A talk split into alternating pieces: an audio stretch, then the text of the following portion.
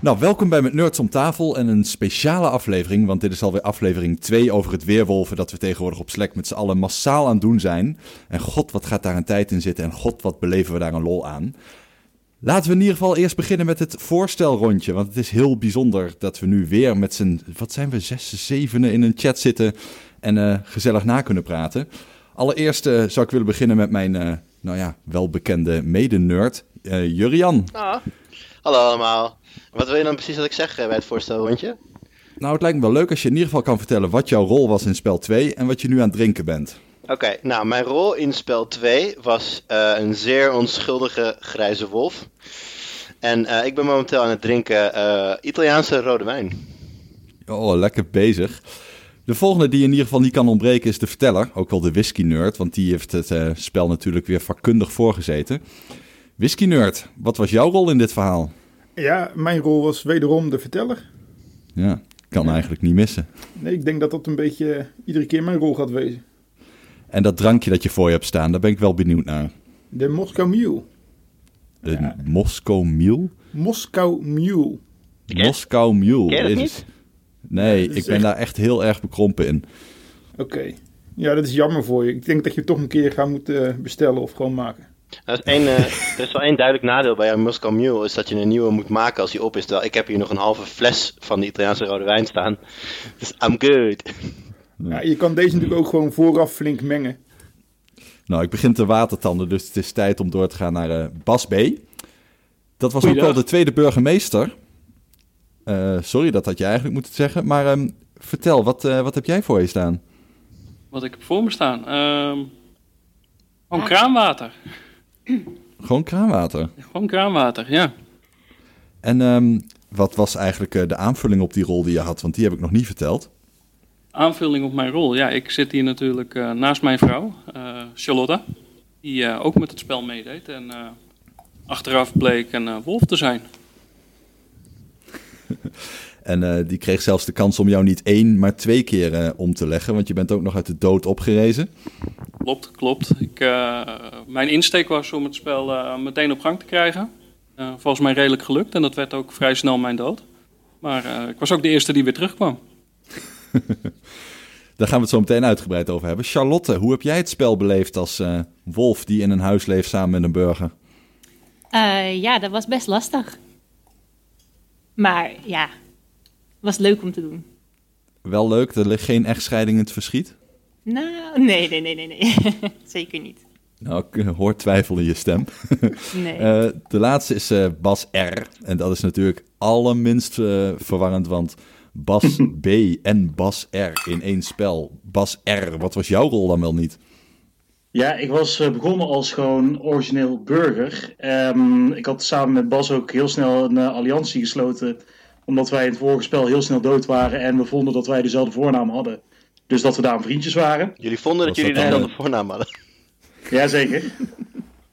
De Bas. Dus, eh, toen, ja, dus toen hadden we snel een, eh, een alliantie gevormd nog voordat eh, het eh, tweede spel begonnen was. En eh, ja, dat heeft ervoor gezorgd dat wij elkaar heel erg vertrouwden. En dat is uiteindelijk, eh, eh, ja, dit heeft de Wolven de winst opgeleverd. Dus eh ben ik heel blij mee. Waarvoor dank. Hou! Verteller, kun jij aftrappen? Hoe is het begin van het spel verlopen? Ja, het begin van dit spel, en ja goed, wel vorig jaar spel was natuurlijk eigenlijk meer een, een proefronde. Maar ik heb echt wel genoten van het rollenspel van iedereen. Eh, en ja, dat, dat ging heel vreemd eh, en het liep behoorlijk uit de hand. Er was zelfs iemand, ik geloof dat jij die wel kent Randal, die eh, taxadermatoloog was en niks anders deed dan eh, mensen opzetten en eh, standbeelden maken van levende mensen. Het is een beetje, dat liep behoorlijk uit de hand. Ja, je moest vooraf je, je baan eigenlijk al bepalen. Ik denk, nou, laat ik eens iets geks doen. Want dan kunnen we alle wolven gewoon opzetten als ze dood zijn. En ik wist op dat moment nog helemaal niet dat ik zelf wolf zou zijn. Dus dacht ik, ja, nou, dan moet ik ook mensen opzetten. Ja, ja, dat. eh, ik vond het wel grappig. Ja, want op zich, ik was natuurlijk als verteller de eerste eh, burgemeester. Die meteen ook aan het begin doodgaat. Eh, dus ja, toen werd er. Ja, op een gegeven moment door jou een of andere standbeeld onthuld. toen je werd verkozen tot burgemeester van de vorige burgemeester. En ja, ik, ik heb wel heel erg genoten van het rollenspel in dit spel. Tot met mensen die kranten aan het maken waren, eh, liedjes aan het schrijven waren. Ja, dat vond ik echt wel geweldig. Ik kan je gewoon niet eens vertellen hoe ongelooflijk veel slechte moppen ik gelezen heb. Voordat ik er uiteindelijk een aantal heb geselecteerd om te vertellen als, uh, als de dorpsnar in, uh, in het dorp. Dat is oh, je schreef je niet zelf? Uh, nee. Is dat, is, dat, is, is, is dat, een heel grote, een heel grote coming out of zo, dit? Ja, nou, nee, dat niet.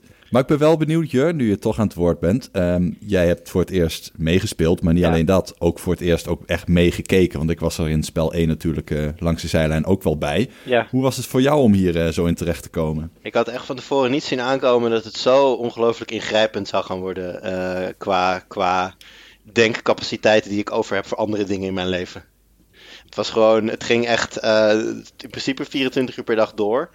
Uh, niet alleen maar gewoon overdag met de discussies en mensen manipuleren zo, maar zelfs s avonds als ik met mensen aan het eten was of zo, zat ik nog steeds te denken van, ah, oh, misschien moet ik die en die verdacht maken, of misschien kan ik via dit en dit bondje nog die en die naar voren schuiven. Het, was, het ging zo ver. Het was echt niet normaal.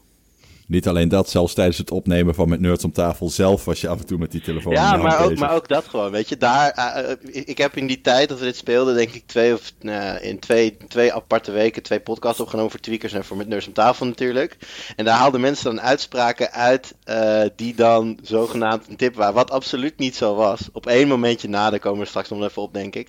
Maar voor de rest was het allemaal totaal niks bedoeld. Dus ik zat op een gegeven moment echt van ja, moet ik nou serieus gewoon op mijn woorden gaan letten in de podcast die ik opneem?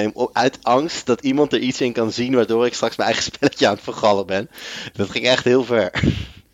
Ja, het is inderdaad waanzinnig hoe uh, complex het op een gegeven moment wordt om te onthouden wat je allemaal wel en niet tegen mensen hebt gezegd. En dat lijkt me eigenlijk nog wel moeilijker als wolf.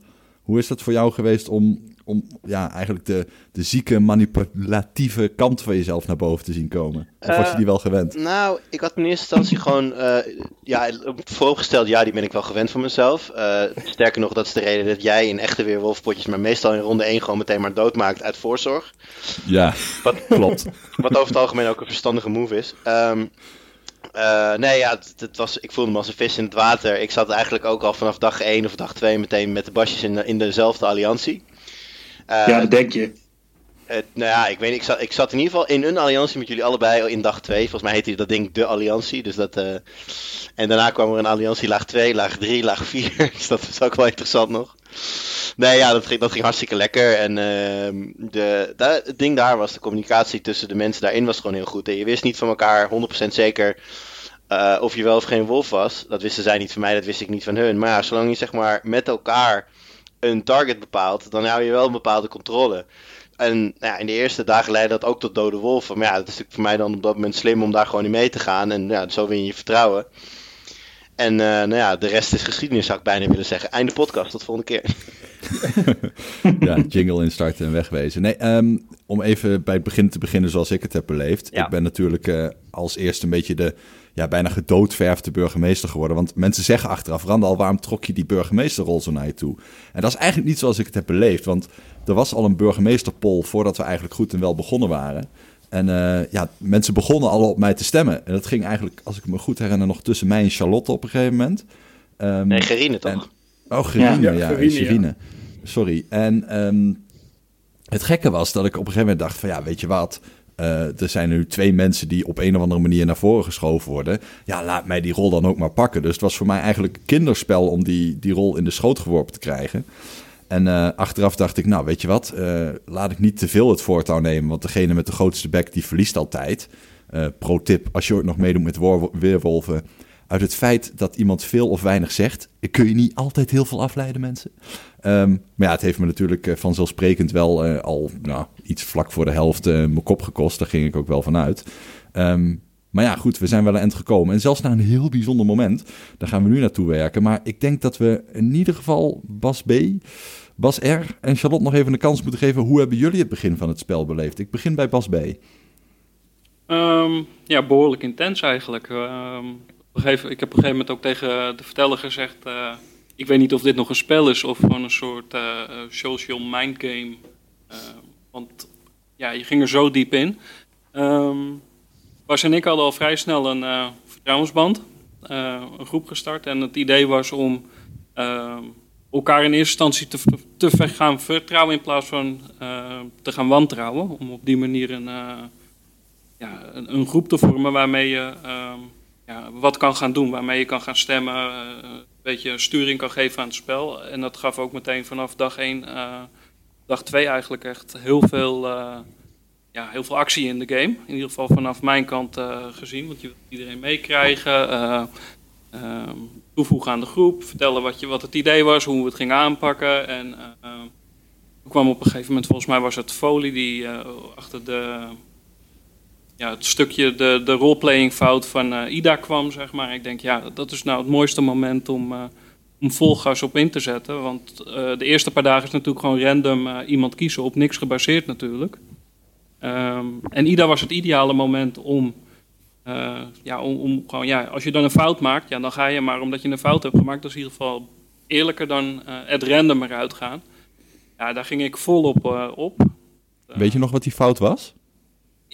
Volgens mij had zij ochtends iemand gezien. en dat kon je niet weten nee. natuurlijk. Zoiets was, het was wat echt super onschuldig. Het was echt zo... Zij, zij was gewoon vroeger online dan de verteller. doet in roleplaying iets, betrekt daar een naam bij. Gewoon zo, zoals je best wel kan doen. En daar zag Folie in, oh, maar wacht even, uh, er is iemand dood, één van de 43. En het feit dat zij nu lukraak iemand noemt, die dan ook toevallig niet dood is, dat is verdacht. Ja, dat is echt Het was wel natuurlijk wel echt waar, de conclusie klopte gewoon. Nou ja, het was, het was ge- mazzel genoeg voor de burgers. Was het inderdaad een wolf, maar het was natuurlijk wel echt een honest mistake wat dat betreft.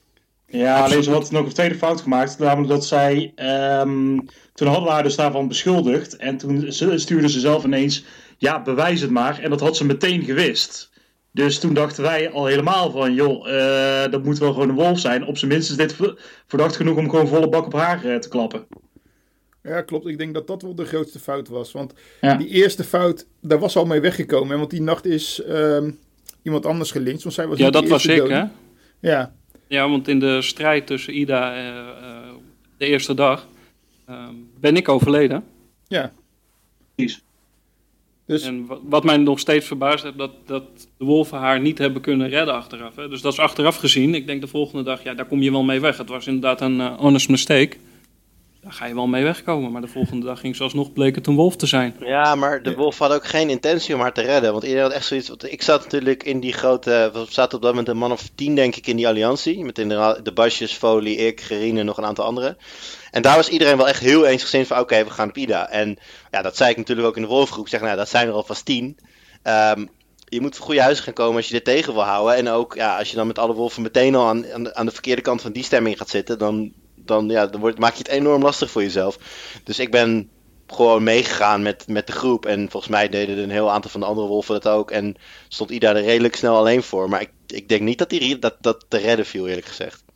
Nee, okay. niet naar die uitspraak van. Het is misschien nog wel even goed om te zeggen dat we dit keer dus met 43 mensen waren in plaats van uh, met de 25 zoals vorig spel. Ja, is het misschien nog goed trouwens om eventjes de, de, de lay of the land uh, de, uh, even te laten vertellen door de verteller hoeveel, de, hoeveel van alles er was, zeg maar.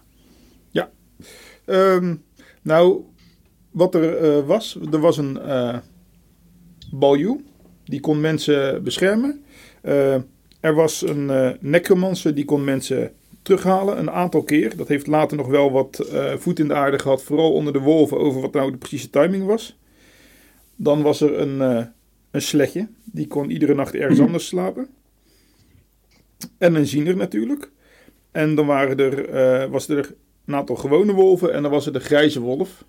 Uh, en die mocht dan één keer een gewone burger omturnen of een burger omturnen tot uh, weerwolf. Um, de setting van het spel was eigenlijk precies hetzelfde als bij de vorige spel, omdat in de eindscène van het vorige spel, die ik niet zelf geschreven had, uh, had iemand hem zo geschreven dat, hij terug werd, dat de tijd terug werd gedraaid en dat de heks, want die was er nu dus ook, uh, de tijd een week terug had gedraaid. En daardoor uh, zaten we weer gewoon in Wakkerdam in 1723. Ja. En dan hou je iets van, even kijken, 43 min 8, dus min, hoog in de 30 wolf, burgers. Ja, ja okay. klopt. 35 geloof ik of zo, ja. Ja, van kijk hoor. Uh, ik heb Charlotte volgens mij nog niet echt gehoord over de begindagen van het spel.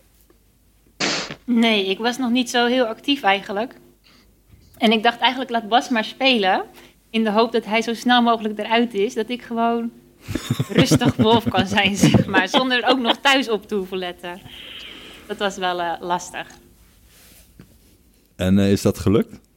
Nou ja, hij was er snel uit. Hij was ook alleen heel snel weer terug. Dat was een beetje eh, jammer. Hm. Ja, je dacht, god, als ze iemand uit het leven of uit de dood terug moet halen, alsjeblieft niet hem. Ja, maar ja, dat was ook wel logisch dat hij terugkwam. Maar het was wel jammer, ja. Was wel jammer, hè? Pu pure liefde hè? Voor de duidelijkheid. Ja. Het is pure liefde dat ze het jammer vond dat je niet dood was en niet dood bleef. Ja. Inderdaad. Wat is eh, Bas R het meest bijgebleven aan het begin van het spel? Ja, het begin van het spel vond ik het vooral gewoon één grote speeltuin. Ehm, achtergrond is ook dat ik eh, in de sales zit in eh, mijn echte leven. Dus daar zit je heel veel met politiek en mensen tegen elkaar uitspelen. En wat zeg je tegen wie, wanneer zeg je het. Dus ja, jij ik vond het was genoot er echt vooral... van, hè, mafkees? Ik, ik, genoot, eh, ja, ik genoot er echt van. Iedereen. En het was, ja, maar het was ik zo erg dat ik het ook niet kon loslaten. Dat toen ik eenmaal dood was, heb ik eigenlijk wel eh, drie uur per dag aan, eh, naar zowel Rob als Jurg eh, berichten lopen sturen met wat ik dacht dat wel een goede volgende move was. Dus ja, het, ik was echt ervan aan het genieten. Het was voornamelijk nadat ik een weerwolf was geworden, dat ik op een gegeven moment echt heel erg moe van werd. Omdat ik twee allianties aan het, eh, nou, het leiden was overdreven, maar wel in ieder geval een van de sleutelpersonen in twee allianties was. En ook nog met de wolven bezig was. Dus dat je continu bezig was met, oké, wat zeg ik tegen wie, in welke groep, wat heb ik waar gezegd. Maar ook eh, wist ik dat Bas B bijvoorbeeld heel erg aan het opletten was eh, wanneer je online was en niet. Dus elke keer als ik met hem aan het spreken was, moest ik even snel de status in online veranderen. Kon ik wat tegen hem zeggen. Dan ging ik wat met, eh, met wolven bespreken. Moest ik weer snel offline zetten. Dus daar was gewoon, op een gegeven moment was het echt heel heftig dat ik gewoon uren per dag hiermee bezig was. En zoals je zegt, dat je gewoon echt continu eraan aan het denken bent van wat eh, gaat ons volgende set worden. Ja, bizar. Ja. Ik wil ehm, zo meteen even doorpakken, want de eerste dagen zijn er natuurlijk al eh, gelijk wat wolven gesneuveld en eh, maakte de ziener een vliegende start. Ehm, maar wat nog eens wel interessant is om op te merken, en dan geef ik de beurt even aan de whisky nerd, de verteller. Ehm, er was niet alleen een heleboel roleplaying, er werden zelfs liedjes geschreven en een krant geschreven. Ja, dat vond ik echt wel schitterend. Eh, we hebben de courant van Wakkerdam eh, voorbij zien komen. Twee dagen. De derde dag was, die, eh, eh, was de krant gestopt omdat het denk ik iets te veel moeite was. Eh, wat ik ook wel begrijp. Eh, en dan hadden we natuurlijk ook nog ja, liedjes die geschreven werden. Er was een, een dorpsdichter die iedere dag gedichtjes maakte. Eh, ja, ik vond dat wel heerlijk om te zien. Die maar die fucking waren full-blown pdf's, hè? Full-blown pdf's. Die ik gelukkig gesaved heb. Ik was wel heel, heel, heel, heel gek van dat fucking oud-Nederlands. Dat sommige mensen heel erg nodig vonden om Ja, continu man. te blijven gebruiken. Dat is toch heerlijk? Dat is Ik genieten, man. Zweerde, jongen. Als Wouter geen wolf was, had ik hem meteen kapot gemaakt. Ja. Oh, ik was ook echt meteen klaar met roleplaying eigenlijk. Bij, mijn, eh, de eerste, eh, bij het voorstellen wel, deed ik nog een keertje pro forma drommels. Maar daarna had ik echt zoiets van, ja jongens, wat houden we nou voor de gek? Ja, dus er is Ja. ook wel een correlatie te zien in de, in de hoeveelheid grappen die ik plaatste. eh, versus hoe druk ik was met gewoon het spel spelen, zeg maar. Ja. Maar goed, dan even doorpakken naar de eerste dagen. Hè. Daar sneuvelen al snel wat wolven. Eh verteller, kun jij ongeveer uitleggen hoe dat is gegaan? Ja, wat de gedachte erachter was, was natuurlijk, ja, Ida die maakte een, eh, een fout en daarna nog een fout. Dus die werd eh, ja, geofferd door de, de wolven en dat is ja, redelijk vlekkeloos gelopen vanuit allebei de kampen eigenlijk. Ik kan me niet meer heel goed herinneren hoe nou de tweede wolf... eh, JVS werd gezien door de Siener. ja, die werd Ja. gezien door de Zine, dat was het, ja. Ja, want de Zine Ja. is in het begin heeft echt een paar lucky guesses gehad. Want die heeft ehm JVS dan gezien als wolf. Maar die had ook wel meteen een aantal mensen die voor hem heel belangrijk waren gezien. Ehm, Ik zal En- tot de Ja, dag van vandaag niet begrijpen waarom die mij niet bekeken heeft. Nou ja, wij in de wolvengroep eh, hadden zoiets van, dat Randall en ik, de rollen werden bekend, dus nou, dan word je in de groep gegooid door de verteller. En Randall en ik zaten allebei in de wolvengroep. Dus wij hadden gelijk zoiets van, oké, dit is leuk, maar tegelijkertijd ook een handicap. Want ja, weet je, niet iedereen kent elkaar niet echt. Op, op eh, sommige stelletjes daar gelaten dan. Maar ja, dan ben je als, als, als host of co-host van Met Nerds op tafel natuurlijk wel een aangewezen target voor een ziener. Of laat ik, het om, laat ik het anders zeggen, als ik de ziener was geweest, dan zou ik ja, toch op een hele natuurlijke manier willen weten wat, wat Randal en Jur dan zijn, zeg maar. Dus wij hielden er heel erg rekening mee dat, dat, dat wij de eerste paar dagen gelijk gecheckt zouden worden. Ja, dan waren, waren we natuurlijk allebei aan. Zeker ik, als ze hadden gezien dat ik de grijze wolf was. Dus ik zat echt al op dag drie of zo uh, tegen, tegen de whisky nurse van ja... Uh, ik weet niet wat ik moet doen, man. Is het, uh, moet ik niet echt nu al iemand turnen? Want stel dat de zine me nou ziet, dan ben ik morgen dood. En dat is, slecht nieuws.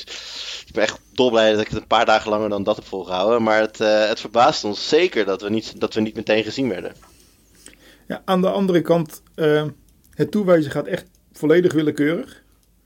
Ik bedoel, daar, heb ik, daar, ja, daar stuur ik totaal niet in. Behalve die ene keer dat alle vrouwen wolven waren. Ja, toen heb ik gezegd van rol maar even opnieuw uh, die dobbelstenen. Want dat lijkt me iets te makkelijk als er dan twee vrouwen wolf zijn, dat ze de andere vrouw ook gaan checken. Wel mooi. Ja, het was compleet random. Behalve dan dat ik net zo lang heb gedobbeld tot ik het mooi vond. nee, nee, nee. Ik heb één keer hergedobbeld omdat ik dacht van oké, dit is random, maar ja, voelde toch niet helemaal oké. Dus, uh, dus ja, op zich, ik kan het wel begrijpen. En ik wist ook dat daar gewoon niemand echt op zat. Want ik, ik ja, ik sprak natuurlijk ook met jullie twee, ik sprak met wel meer mensen. Maar jullie, ja, maar straks zijn we het haasje, want we, hè, we zijn de bekende gezichten. En uh, ik had zoiets maak je niet druk, speel gewoon het spel. Want ja. ja, ik kan natuurlijk niet zeggen, ik weet dat ze dat niet gaan doen. Of dat het nog helemaal niet in hun opkomt. Maar ja. Wat vond jij van het, uh, het spel vanuit de kant van de wolf op het begin? Want we waren natuurlijk heel fanatiek. Ik zat in geen enkel bondje behalve dat. Uh, jij zag het van alle kanten gebeuren. Waren we goed op dreef? Ik vond de wolven in het begin heel goed, maar ik vond iedereen heel grillig. Het hele spel was echt een spel van pieken en dalen. Um, en ja, ook van iedereen kreeg ik ook al te horen: ja, de regels zijn niet goed, want mijn kant, kant is in het nadeel. Dat hoorde ik van iedereen. Dus ik dacht: die regels zijn prima. Uh, het is een beetje net als bij een, een slecht of een goede deal. Iedereen voelt zich een beetje, beetje slechter over, maar net niet slecht genoeg. Um, ja, ik ben benieuwd hoe zo'n huwelijk uh, in elkaar zit als het aan jou ligt. Maar, nee, ik zei een okay. deal, ik zei geen huwelijk. Laten we het dan Bas en Joe te vragen. ja, die kunnen vertellen hoe hun huwelijk in elkaar zit. Ik ben niet getrouwd, hè, dus. Um, nee, maar, maar het is een beetje als bij een autokoper. Hè. De autokoper heeft het idee dat hij iets te veel uh, ruimte geeft in de prijs. En jij hebt het idee dat je nog te veel betaalt. Dus zo was het ook. De burgers hadden het idee dat de regels in hun nadeel waren. En de wolven precies andersom. Maar het was dit keer wel echt extreem. Ik zag ook echt dagen dat ik ja, Julia, Julia, Julian had er ook wel veel in last van. Die op een gegeven moment ziet, ja, we zijn verloren, we kunnen het echt niet meer winnen. En ik zeg, joh, ah, dat klinkt helemaal niet als, als iets wat ik zou zeggen. Nee, nee, nee, totaal niet. Ik heb het gelukkig opgeslagen. maar dat was echt wel heel grappig. Ja. En aan de andere kant, ja, wat ik wel een, een domme zet vond. Uh, en daar is denk ik het spel ook echt wel mee verloren. Uh, bij de burgers, ja, die zijn veel te open geweest. Die hebben mensen, uh, de belangrijke rollen bij de burgers hebben mensen vertrouwd die uh, ze niet hadden moeten vertrouwen omdat ze ze niet gecheckt hadden. Uh, maar hadden ook eigenlijk helemaal in het begin geen enkele notie van die grijze wolf. Maar nu gaan we denk ik een beetje op de zaak vooruitlopen. We zaten nog een beetje in de transitie van het begin naar ja, eigenlijk wat al vrij snel het hoogtepunt lijkt te zijn. wat, want Randall vroeg natuurlijk hoe speelden de wolven. Wat ik zeg maar in de groep wel fijn vond, is dat wij ja, voor mijn gevoel in elk groepje wel mensen hadden zitten. We hadden, uh, je had op een gegeven moment de vrouwenclub. Nou, daar hadden we natuurlijk Charlotte in zitten.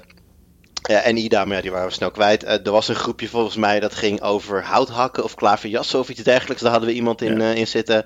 Nou, ja, de Alliantie, waar ik dan in zat. En later natuurlijk Bas. Dus voor mijn gevoel hadden we in het begin best wel veel controle. Ook, ook al verloren we meteen twee wolven. En inderdaad, toen zag ik de odds. En hadden we nog maar zes wolven over. En 80.000 burgers. Dus ik zei ook hier van, ja, het is niet eerlijk. Maar uiteindelijk, weet je, we hadden op zich best wel op veel plekken ogen. En dat was wel een lekkere start. Nee, ik denk ja. inderdaad dat jullie heel goed begonnen zijn. En je hadden wel in veel groepen, maar zeker niet in alle groepen ogen. Uh, want ieder, op een gegeven moment ging zeker bij die alliantie kreeg je nog subgroepjes en subgroepjes en level 128 groepjes, wat niet meer bij te houden was. Ja. Maar ja, je zag op een gegeven moment wel, uh, jullie zijn heel goed van start gegaan. Ja, toen heb je even een dip gekregen. Inderdaad. Hey, ik wil eventjes terugpakken naar de geboorte van de Alliantie. Want dat was natuurlijk een heel erg bepalend onderdeel van het spel. Niet alleen omdat op dat moment die Alliantie hard nodig was, maar ook omdat hij later zoveel in het voordeel van de wolf heeft geholpen. En dat is mede de, te danken aan Bas R. Een wolf die we waarschijnlijk wel heel erg slim geturnd hebben. Uh, Bas R, kun jij vertellen hoe die Alliantie is ontstaan?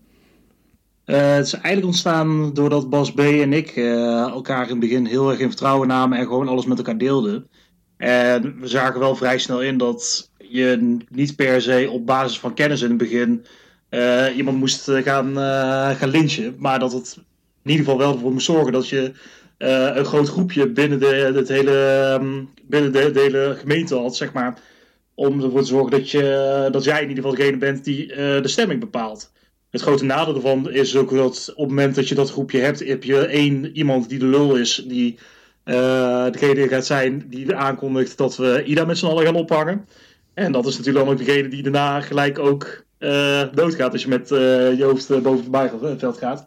Maar wat vooral grappig was aan die alliantie was dat, um, ja, die dus de, alliantie zeg maar level 1. En er zat ja, praktisch, een mannetje of 10 in denk ik.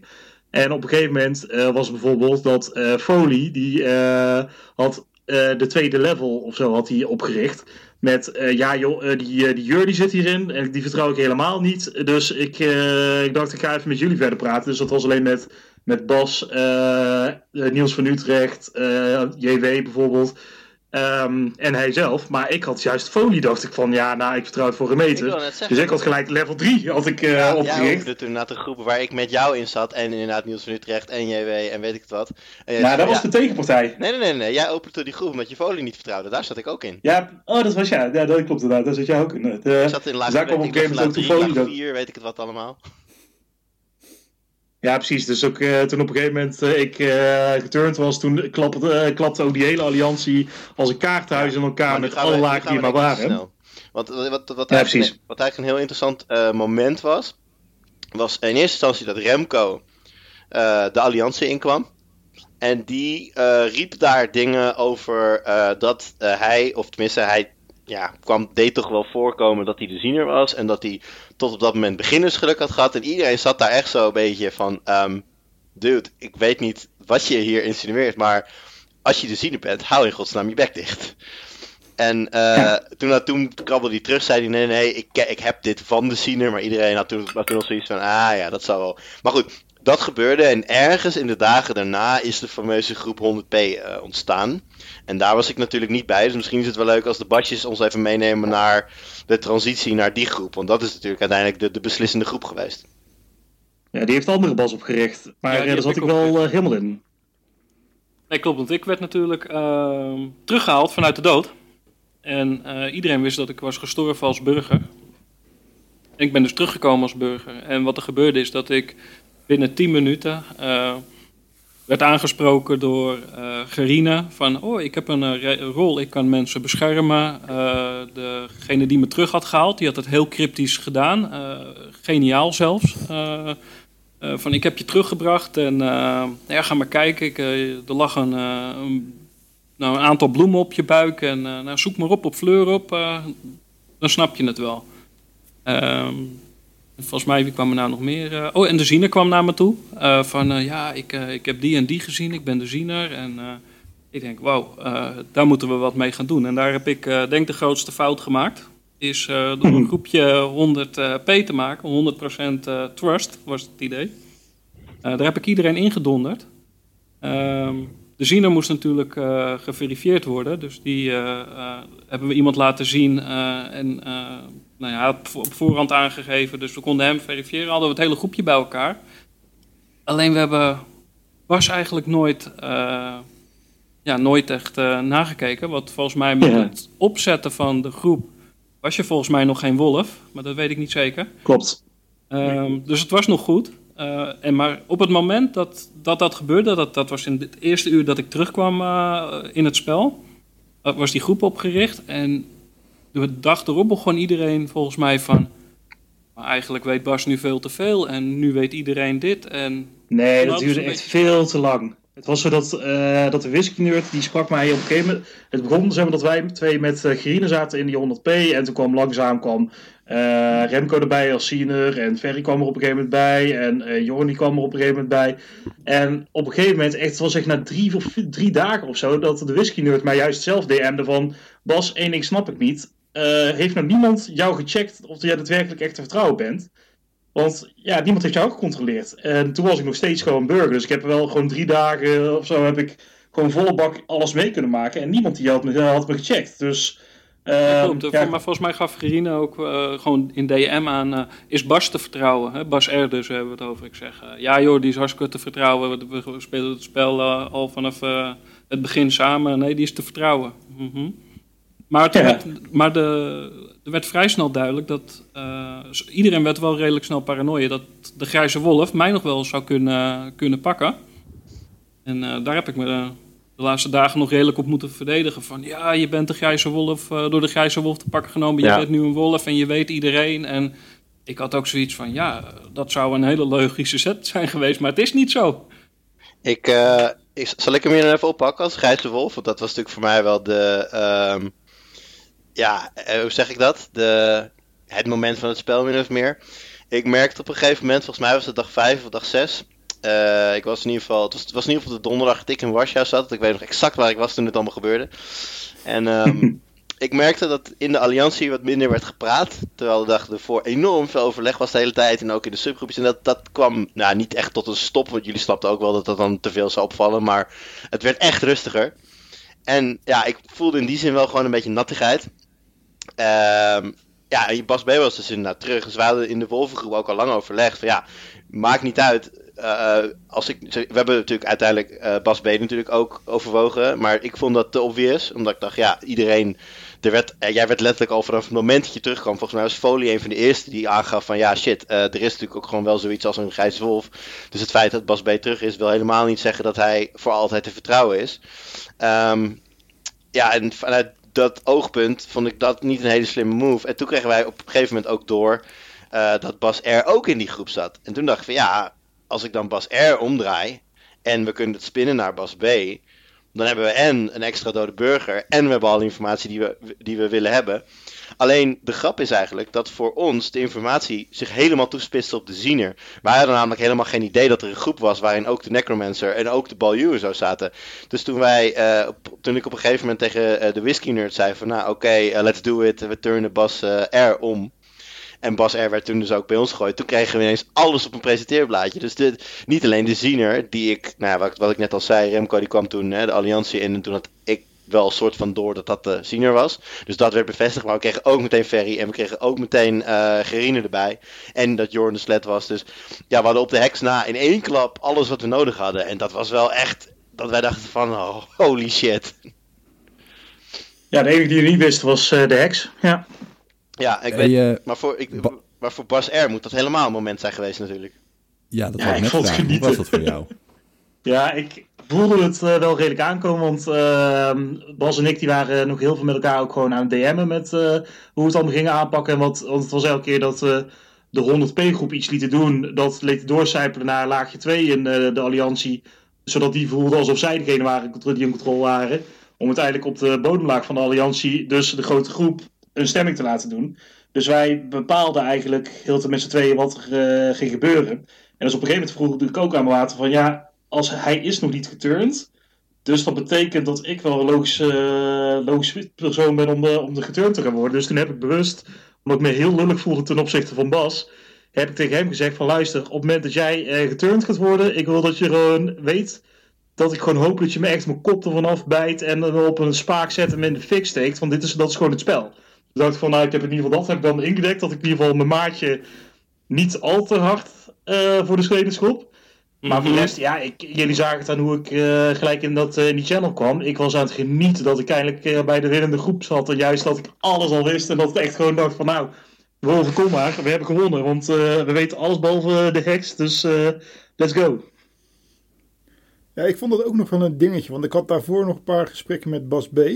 En Bas B had echt zoiets ja, als ik geturnd word, ik ga dus gewoon niet met die wolven spreken. Ik ga dus gewoon niet mijn vrienden hier opgeven. Vond je moeilijk, Bas? Ja, dat vond ik moeilijk. Vond ik moeilijk. Ik, uh, de eerste week heb er zoveel tijd in gezeten uh, in, dat, in die hele co coalitie. Uh, want dat ging echt gewoon vanaf ochtends zes uur alles lezen wat er in de nacht nog is gebeurd. Dan moest ik nog werken. En ik werk meestal thuis, dus dan was het tot een uurtje of tien zat ik thuis achter mijn laptop. Nou ja, half uurtje gewerkt, de rest was, was op Slack. Uh, op mijn werk de hele dag ermee bezig, s'avonds er weer mee bezig. Ik heb van Lot meerdere keren gehoord van, uh, je hebt nog een gezin ook, dat soort zaken, zeg maar. Ehm, En die was zo, denk ik. Juist, precies. Ehm, er zat zoveel tijd in. En ik had, ja, het, het ging zo lekker, zeg maar. Ik denk, we hebben echt zo'n groep. eh, het is een kwestie van volhouden. We hebben, eh, de, de, we hebben een goede meerderheid om, om gewoon zo verder te gaan. En we hadden wat successen behaald natuurlijk. Ehm, dus ja, ik had het wel lastig. Ik denk, ja, als, als ik wolf zou worden... Dan, had ik, dan begon ik wel te twijfelen. Ga ik dan meteen alles zeggen wat ik weet? Of wil ik dan als wolf heel specifiek winnen, zeg maar? Dan in mijn eentje maar. Maar ik had het er moeilijk mee, inderdaad. Ja.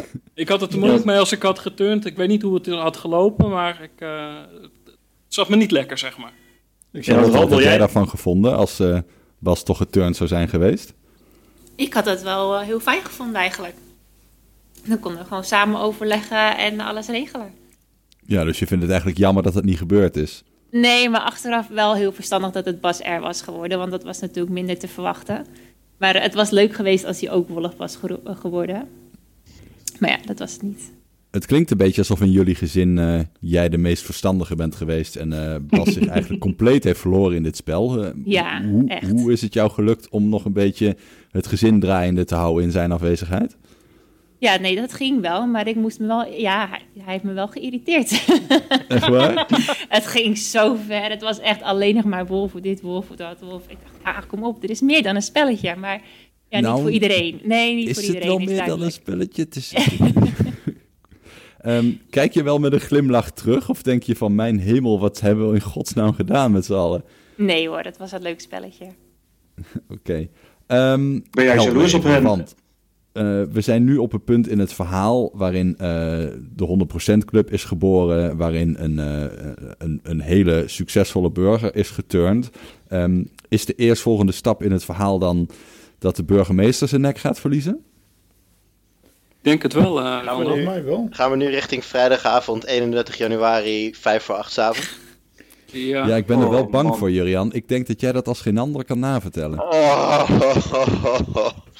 dat was echt, dat was, oh, nou. Ehm, het was eh, vlak nadat eh Bas was geturnd, één dag daarna om precies te zijn. En ik had volgens mij die middag nog de tegenpartij opgericht.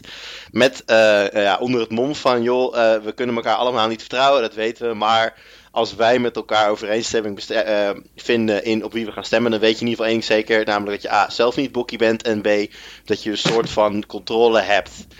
Nou ja, daar gingen best wel veel mensen in mee. Eh, sowieso ook eh, Niels van Utrecht en JW, die daar eh, ja, die echt als makke schaapjes achter mij en Bas aan hebben gelopen het hele spel. Waarvoor dank. waarvoor veel dank. Ehm, maar goed, we kregen dus die groep mee en we, echt iedereen waarvan wij wisten dat ze nog niet echt ergens aangesloten waren. Want Bas R kon ons natuurlijk prima vertellen eh, wie er allemaal bij de Confirm Burgers zaten, wie er allemaal in andere groepjes nog zaten met hem en, eh, en, eh, en Bas B. Dus zo, alle anderen hebben we een soort van aangeschreven. Dus ook de Eermo's en nou ja, goed, nog veel meer mensen. En uiteindelijk hadden we, ging ik gewoon tellen. En ook met natuurlijk de wolvenstemmen erbij. En ik had zoiets ja fuck, we hebben gewoon de votes. We kunnen nu gewoon Bas B'ers zelfstandig gaan uitstemmen.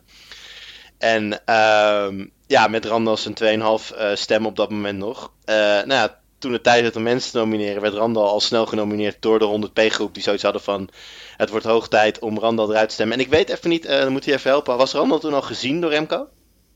Nee, Nee, hij was nog niet gezien. Nee, precies. Ja, Dus in godsnaam, waarom niet? Ik snap dus- er nog steeds nee. niks van. Nee, maar het- daar moest De je heeft eh, andere manieren van denken gehad. Hij had speciale gaves die wij niet konden volgen. nee, maar goed, dat, dat werd dus de stemming, Randall tegen Bas B. En eh, dat bracht Bas R natuurlijk in een ongelooflijk lastige positie. Want die moest op het allerlaatste moment gaan beslissen of zijn stem, zeg maar, voldoende zou zijn om Bas B weg te stemmen. Ja, en als dat niet zo was, dan moest hij, aan, dan moest hij op blijven om zijn eigen positie in die, hè, in die allianties te beschermen. Dus dat leverde een zenuwslopende situatie op waarbij, nou, en ik was op dat moment, mag je, mag je best weten, ik was uit eten met, eh, met de redactie van Tweakers. Dus wij zaten gezellig te eten, maar ik zat dus onder tafel mijn telefoon te checken en de stemming bij te houden. Ja, en toen bleek dus dat eh eh, een van de wolven niet op de juiste persoon stemde. Dat we daarom de stemming verloren. Ja, Ja, nou, toen kon je Het mij, beste moment ever. toen kon je mij echt wegdragen. Echt nou, waar. maar- ik had echt, op dat moment zat ik ook, ik denk dat ik een aantal keer het hart in de keel heb gehad tijdens dit spel. En dat was wel een teken dat het fysiek ongezond was om hier aan mee te doen. Ehm, En dat was wel een moment dat ik inderdaad, ja, nou ja, echt ruzie met mijn vrouw. Ik had inderdaad op de badkamer uh, iets zo lang mijn tanden staan poetsen, wat wel opviel. En ik stond daar echt te kijken. En ik denk, ja, die laatste stem, die moet gewoon om. En dan heb ik uh, één extra stem en de doorslaggevende stem. Dan zijn we er gewoon door. Kijk, het is heel gek. En het is wel leuk om te horen, denk ik het is heel gek om te weten dat je doodgaat. Want ik was de burgemeester, ik ben host van de podcast. En ik was ook nog eens wolf. Dus ja, het einde van het spel halen, dat zat er eigenlijk al niet in. Dat had ik bij, bij voorbaat met mezelf afgesproken. Je haalt het eind van het spel niet. Dus als het er eindelijk van komt dat je doodgaat, dan is dat ook niet zo'n teleurstelling. Daar hield ik al rekening mee. Maar die avond was ik er eigenlijk niet klaar voor. Omdat ik het gewoon niet langzaam uit mijn vingers zag glippen voor mijn ogen. Ik wist dat ik het had kunnen overleven. En als ik dat moment had overleefd, ja, weet ik veel, dan had het nog steeds niet een week geduurd voordat ik de, de, de, kop was verloren. Maar dan had ik in ieder geval um, een voortouw kunnen nemen, wat op dat moment heel logisch was geweest. Ik had namelijk kunnen zeggen, joh, vanaf nu uh, neem ik wel het voortouw, want fuck it, het gaat hier allemaal mis als ik het niet doe. En dan had ik er in ieder geval een draai aan kunnen geven. Ik zag de eerste kans waarvan ik zelf iets had kunnen spinnen. Terwijl ik omringd werd door meer psychopaten dan ik, die veel slimmer en behendiger zijn in het spel. Ik dacht echt, Jezus Christus, ik ben er helemaal niet goed in. En ik zag gewoon een kans. En ik zag dat niet alleen. Ik zat te refreshen terwijl ik die tandenborstel iets lang in mijn mond had. En ik zag gewoon die stem niet verspringen. En ja, op het moment dat je dat dan acht uur ziet worden. En je loopt naar je slaapkamer en je zegt, nou schat, ik ben dood. En zij zegt, waar heb je het over? Wat boeien, we gaan slapen. en dat ik echt denk, ja, maar dit is het belangrijkste dat, het dat ooit is gebeurd in het spel. En ja, alsof, gewoon niet begrepen worden thuis. Alsof jij op dat moment kon slapen. Nee, nee, echt hard in het, nee, het, het, ergste was, we hadden inderdaad nog twee stemmen die niet op dat moment op Bas B gingen. Dat was Wouter VDH, een van de wolven dus. Die stond, uh, nou, die was inderdaad de stemming gewoon geopend op Randall uit voorzorg. En die zou hem dan later gaan switchen. En Irmo, uh, die zou ook gaan stemmen, maar die zat volgens mij op het moment supreme te game of iets dergelijks. Dus die, die had sowieso niet meegestemd. Maar die, dat zijn twee stemmen die we gewoon als, ja, als uh, ja, hoe zeg je dat? Die we ingecalculeerd hadden aan onze kant. Ja, en die, uh, die, gingen toen, die gingen toen niet door. En dat uh, redde op dat moment Bas B. Ja. Hm. Maar Randall, zei je nou dat dit spel fysiek niet goed voor je was? Je hebt langer je tanden gepoetst. Nou, mag je best weten dat sinds ik een beugel heb gehad, is uh, dat ik als een, als een ware autist mijn uh, tanden blakend schoonhoud. Dus zelfs de mondhygiënist geeft mij soms complimenten. Ik sta te stokeren uh, drie minuten te lang met een elektrische tandenborstel en dat zit wel snor. En nog was ik langer op de badkamer dan normaal was. Maar ja, dat het niet gezond is voor je, dat, uh, dat had ik dus ook die vrijdagavond. Want ik kwam thuis, ik weet even niet waarom ik zo laat thuis was, maar uh, volgens mij zei Charlotte, er wordt op je gestemd. En ik denk, wat de fuck heb ik gemist? Dus klap die laptop weer open, duik achter dat ding. En ik zie, dit gaat niet goed, hè? Ik bedoel, probeer contact te krijgen met Bas. Nou, Bas die was, uh, was er niet, zeg maar, of negeerde me, ik had geen idee. ik negeerde je. Ja, precies. Uh, dus ik zit te kijken. Iedereen die op mij had gestemd, uh, met wie ik al wel eens contact had gehad in DM, meteen op de DM van: hé, hey, waarom stem je op mij? Tot op heden heb ik alleen maar gelijk gehad. Heb ik ooit gelogen? Uh, we proberen die stemmen terug te krijgen. En ik zie het acht uur worden en er gebeurt niks in mijn voordeel. En het is acht uur en ik spring overend en ik schreeuw van: ja, ik heb het overleefd. En met dat zie ik uh, Charlotte op de hoek van de bank zitten met een niet zo vrolijk gezicht. En dan denk ik: ja ben toch wel je man en ik ben niet dood. Zij was er niet zo gelukkig mee, maar dat was wel voor mij het moment dat ik dacht van ja, je hebt op mij gestemd, je wilt me dood hebben. Ik denk dat er uh, meer aan de hand is, want uh, je weet hoe fanatiek ik het speel. Als jij burger had geweest, dan had je wel uh, aan mijn kant gezeten. Dus dat was voor mij wel duidelijk dat, dat er meer aan de hand was. Maar wacht even, daar kun je niet natuurlijk hardop in het dorp gaan nee, lopen roepen. Nee, nee, dat is best wel lastig. Want, oh, wauw. Ja, want kijk, uh, het spelletje moet je natuurlijk uh, uh, wel eerlijk spelen. Dat betekent, uh, het, de vingerafdruk van mijn iPhone zit niet meer... haar vingerafdruk zit niet meer op mijn iPhone en vice versa ook niet meer natuurlijk. Nee, niks aan de hand met dat huwelijk. Niks aan de hand. Nee, nee, nee, nee. nee, nee. het scherm moest... trust, hè? Ja, ja, ja, 100%.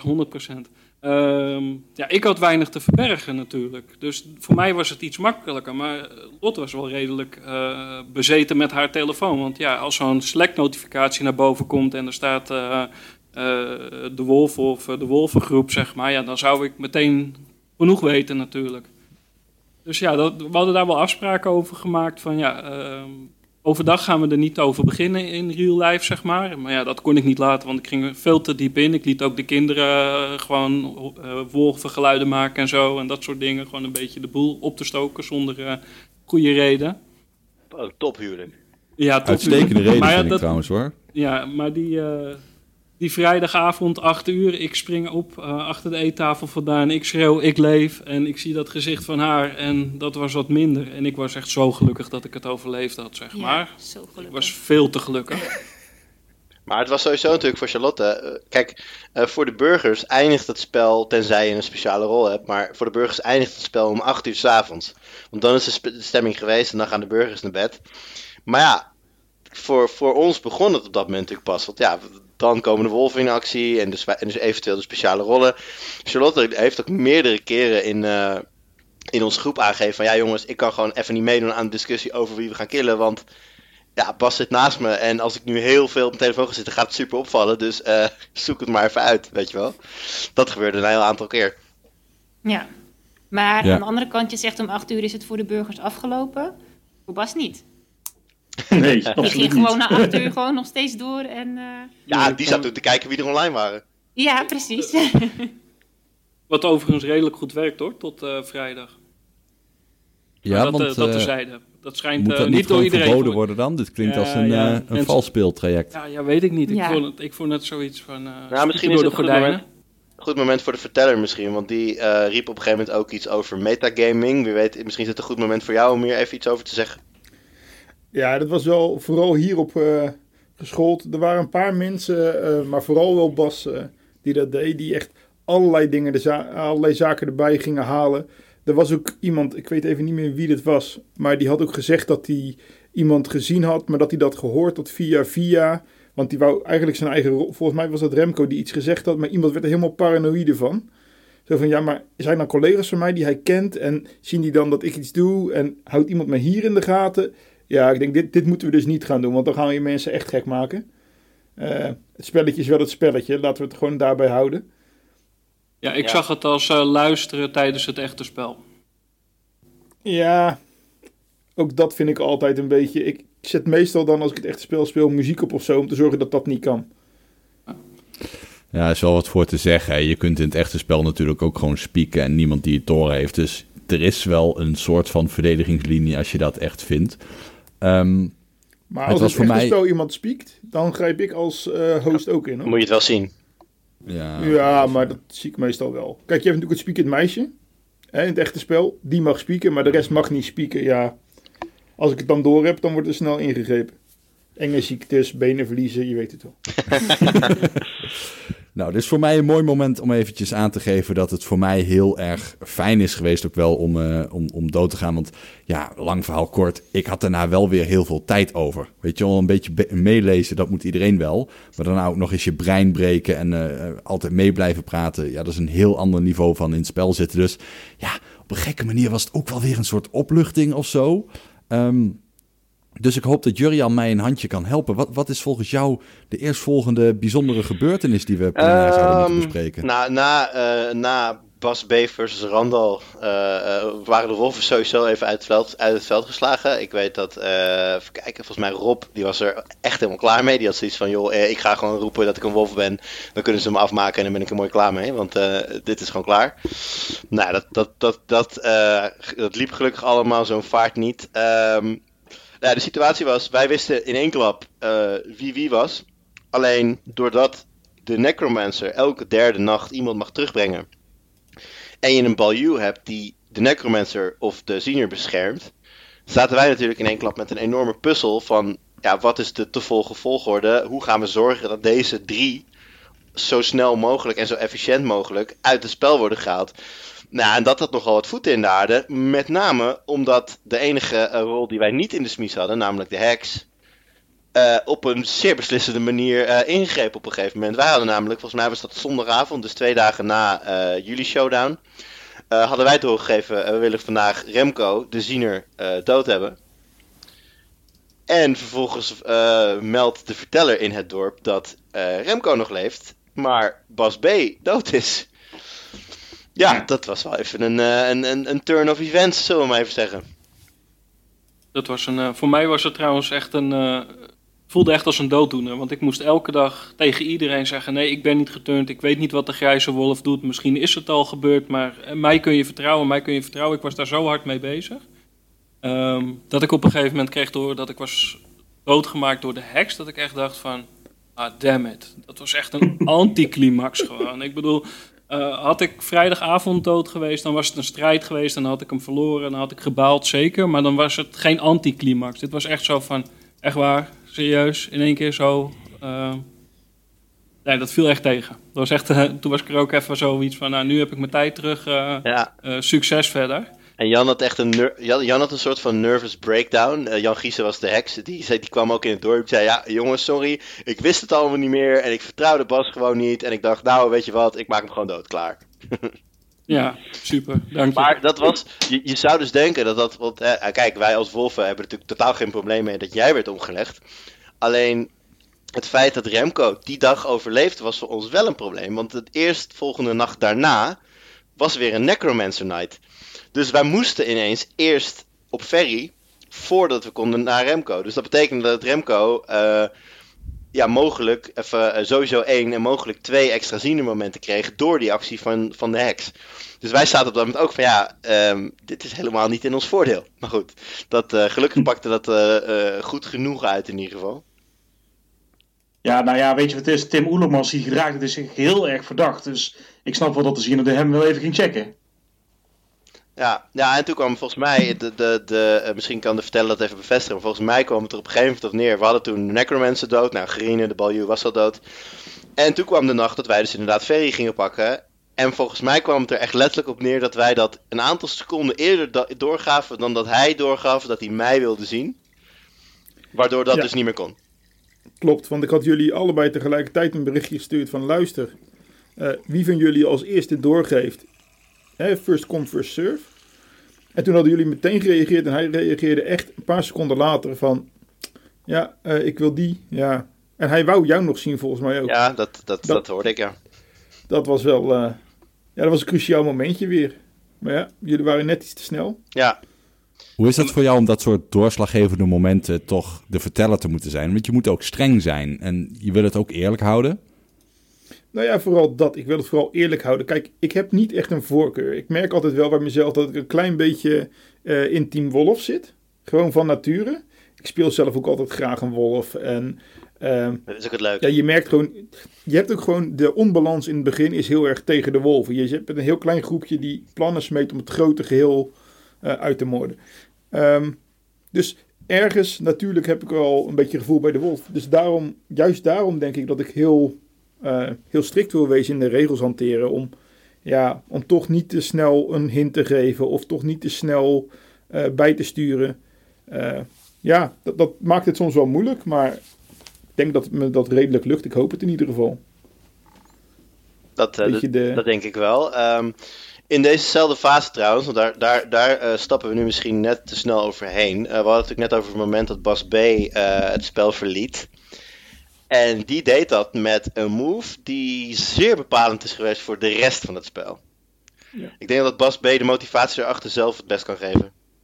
Ja, ik, eh, ik kreeg van eh, Randal, eh, volgens mij eh, stuurde je me nog een berichtje aan jou, eh, de eer om het nu beter te doen. Want eh, eh, mijn ding tegen Randal was eh, eh, voornamelijk eh, dat hij zo weinig actief was. En ik vond dat de burgemeester eh, ja, in de roleplaying wel wat eh, actiever had mogen zijn. Dus ik vond dat wel een goede reden om op Randal te gaan. En, eh, volgens mij Maar je bent toch met ook, me eens dat dat me al veel eerder de kop had gekost? eh, ja, ben ik ook wel met je eens. Maar ja, eh, ja, zo is het. Hè. Ik bedoel, misschien zijn het de hoge bomen die veel wind vangen. Jij als Randal zijn, ik heb geen idee. Maar ik had eh, volgens mij op maandag al een keertje een bericht gestuurd van eh, burgemeester.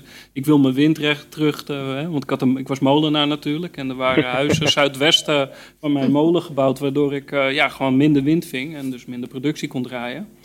Ehm, ja, daar is nooit op gereageerd. Dat vond ik erg jammer. Maar ehm, dat daar gelaten. Toen, eh, het moment, kijk hoor, dat we, eh, eh, Nou, dat jij doodging. ja, dat ik dus doodging.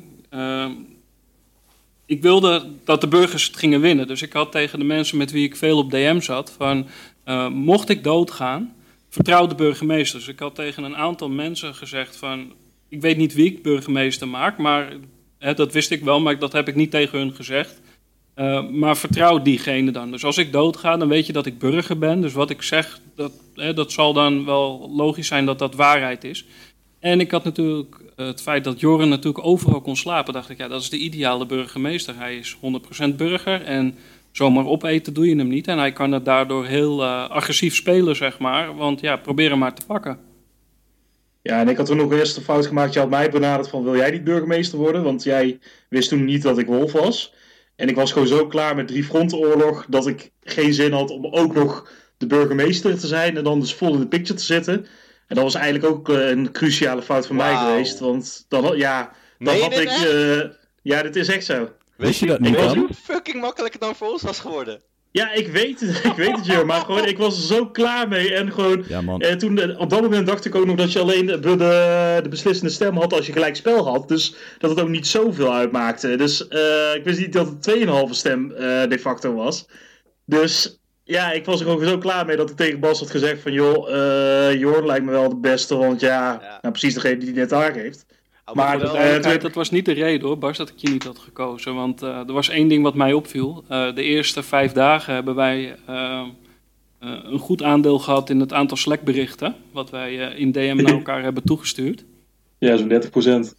dat zit er dik in. En dat was nagenoeg opgedroogd na zaterdag. Ja. En, en dat, ja, ik, ja, dat klopt.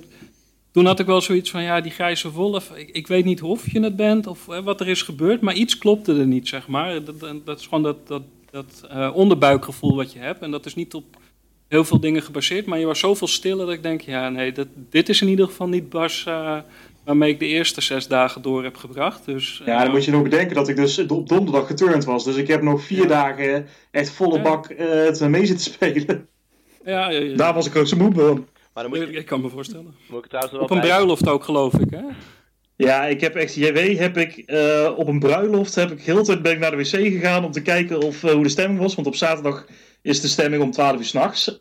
En JW die was de hele tijd aan het switchen. Dus ik heb hem echt met kratten met pils beloofd. En dat ik naar Purmerend zou komen met een bier te gaan drinken. Als hij maar meteen weer ging switchen. En dat heeft hij drie keer is hij, te, is hij gewisseld uh, van stem. En ja, uiteindelijk heb ik hem dus ook gewoon gezegd van geloof mij dat dit de beste keuze is. En ik had precies die woorden gekozen, omdat ik dan niet had gezegd dat het de beste keuze voor hem was, maar de beste keuze voor mij. Dus ja, komt je salesmanschap weer. Uh, ja, JW en, uh, en Niels zijn gewoon allebei echt royally fucked gewoon. dat is zeker ja. waar. Maar ik moet trouwens wel zeggen, Bas, dat als jij wel uh, de burgemeesterschap had gekregen. Ja, die 100p-groep had natuurlijk wel door dat er een lek was. En als Bas B eenmaal dood is, ja, dan had jij waarschijnlijk ondanks dat je van hem het burgemeesterschap had gekregen, waarschijnlijk toch alsnog wel vrij snel dood geweest. Ja, precies. En uh, toen uh, Bas B doodging, toen, uh, ja, ik wist van, nou, dan ben ik heel snel erachteraan.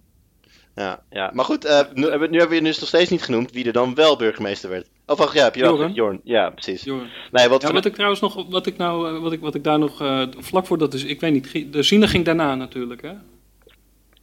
Was de Zine daarvoor? Nee, de Zine... Nee, Ferry, Ferry eerst naar de Ziener. Ferry was al dood. Uh, toen wilden we de Ziener. Uh, nee, sorry, Ferry leeft nog. We wilden eerst de Ziener. Toen was dat hele heksmoment waarbij dus jij, uh, Bas B, mm. doodging en het burgemeesterschap naar Jorn ging. Toen hebben we eerst Ferry gepakt, omdat hij dan niet iemand kon terugbrengen meer. En toen hebben we daarna Remco gepakt. Ja, want wat Remco deed, vlak voordat hij doodging, was briljant. Want hij beschuldigde jou van wolf zijn, terwijl hij jou niet had gezien. En... ehm ja, dat maakt het voor mij dus echt heel makkelijk, hè? Ja, ik vond het zo'n vette set, want uh, ik weet niet, er was iets met jou, volgens mij de eerste hij, dag dat ik jou uh, aan de coalitie toevoegde, je was zo glad als een aal dat ik denk van ja, je bent wel heel makkelijk en zo soepel en weet je, maar je kon je nergens op betrappen, geen woordje verkeerd, geen, geen dingetje, je stemde altijd keurig mee, zeg maar, het, het, weet je, too good to be true maybe, maar dat hij dat toen zei, uh, en ik was dood natuurlijk, ja, wat een vette move, wat een vette move. Hij doet gewoon ja. een, een gruwelijke powerplay. Nou en dan trekt hij zijn keutel in. Om, even, om het even uit te leggen, ja. voor wie, uh, voor wie uh, het dan uh, niet meekreeg, niet helemaal mee heeft gekregen. Remco die, riep op een gegeven moment pu- publiekelijk van ja, ik heb twee keer al gezien. eh, dat is een wolf, maar die gaan we vandaag niet killen. Die zetten we in een kooi eh, en die komt dan later, morgen of zo aan de beurt. Want we gaan vandaag eerst op, weet ik veel, iemand anders. Nou, toen waren een aantal dingen aan de hand. Want ik kreeg namelijk al meteen, eh, de, eh, Bas zei al meteen van nee, dat is niet wat hij tegen ons heeft gezegd. Hij heeft, je, eh, hij heeft iemand anders gezien afgelopen nacht.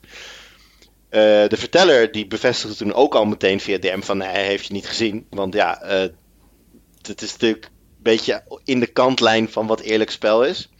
En ik weet niet of Remco zelf heeft bedacht dat toen, hij- toen hij doodging, dat daar een soort van vindicating letter voor mij bij moest. Maar daar werd ik in gekleerd. Nou ja, Jorn, daarmee zat ik mee in de DM. En ik heb dus me toen eh, bij die verdachtmaking, heb ik meteen tegen Jorn gezegd van... Yo, luister, ik weet niet wat er aan de hand is. Maar of de eh, verteller maakt een fout, of Remco liegt. Want hij ziet iets wat er niet is.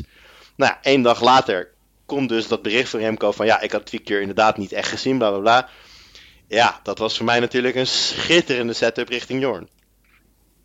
Nee, snap ik- ik. Maar ik vond het wel een vette... Of het eerlijk spel is, weet ik niet. Maar ehm, het, het hele spel is liegen en bedriegen als je het mij vraagt. Dus ehm, ik vond Nee, het een mooi dat- stukje powerplay. Nee, daar ben ik met je eens. Maar het is natuurlijk wel dan, als ik, aan, als ik dan zeg maar eh, aangeef aan, de, aan zeg maar de spelleider van joh, volgens mij klopt het niet. Dan is het wel fair dat de spelleider zegt nee, hij heeft je inderdaad niet gezien. Ja, ik vond ook wel dat ik dat tegen jou wel kon zeggen. Kijk, ik heb het ook niet in-game gezegd natuurlijk. Ik heb dat gewoon in DM naar jou gezegd. Ja, Ehm, want ja, hè, het zou raar wezen als hij opeens een extra zienronde had gehad, terwijl niemand dat wist. Zo speel ik het spel ook niet, dus dan had ik er wel een verhaal rondom eh, verzonnen dat ik vond dat hij een extra zienronde had gekregen. Nee, dat, dat Eh. begrijp ik. Maar ik vond het gewoon zo jammer. Het, ik vond het een hele mooie eh, powerplay. en op dat moment was ik al dood natuurlijk. Ja. Dus ik, en ik was nog steeds aan de kant van de burgers, hè, voor de duidelijkheid. Dus ik denk, ja, ze pakken gewoon nog een burger. Hè, ze, ze waren nog goed bezig. Ik denk, ik zoef alleen maar de mensen die op mij hebben gestemd. Als ze die eruit stemmen, dan ben je al eh, een, heel goed onderweg naar de overwinning voor de burgers.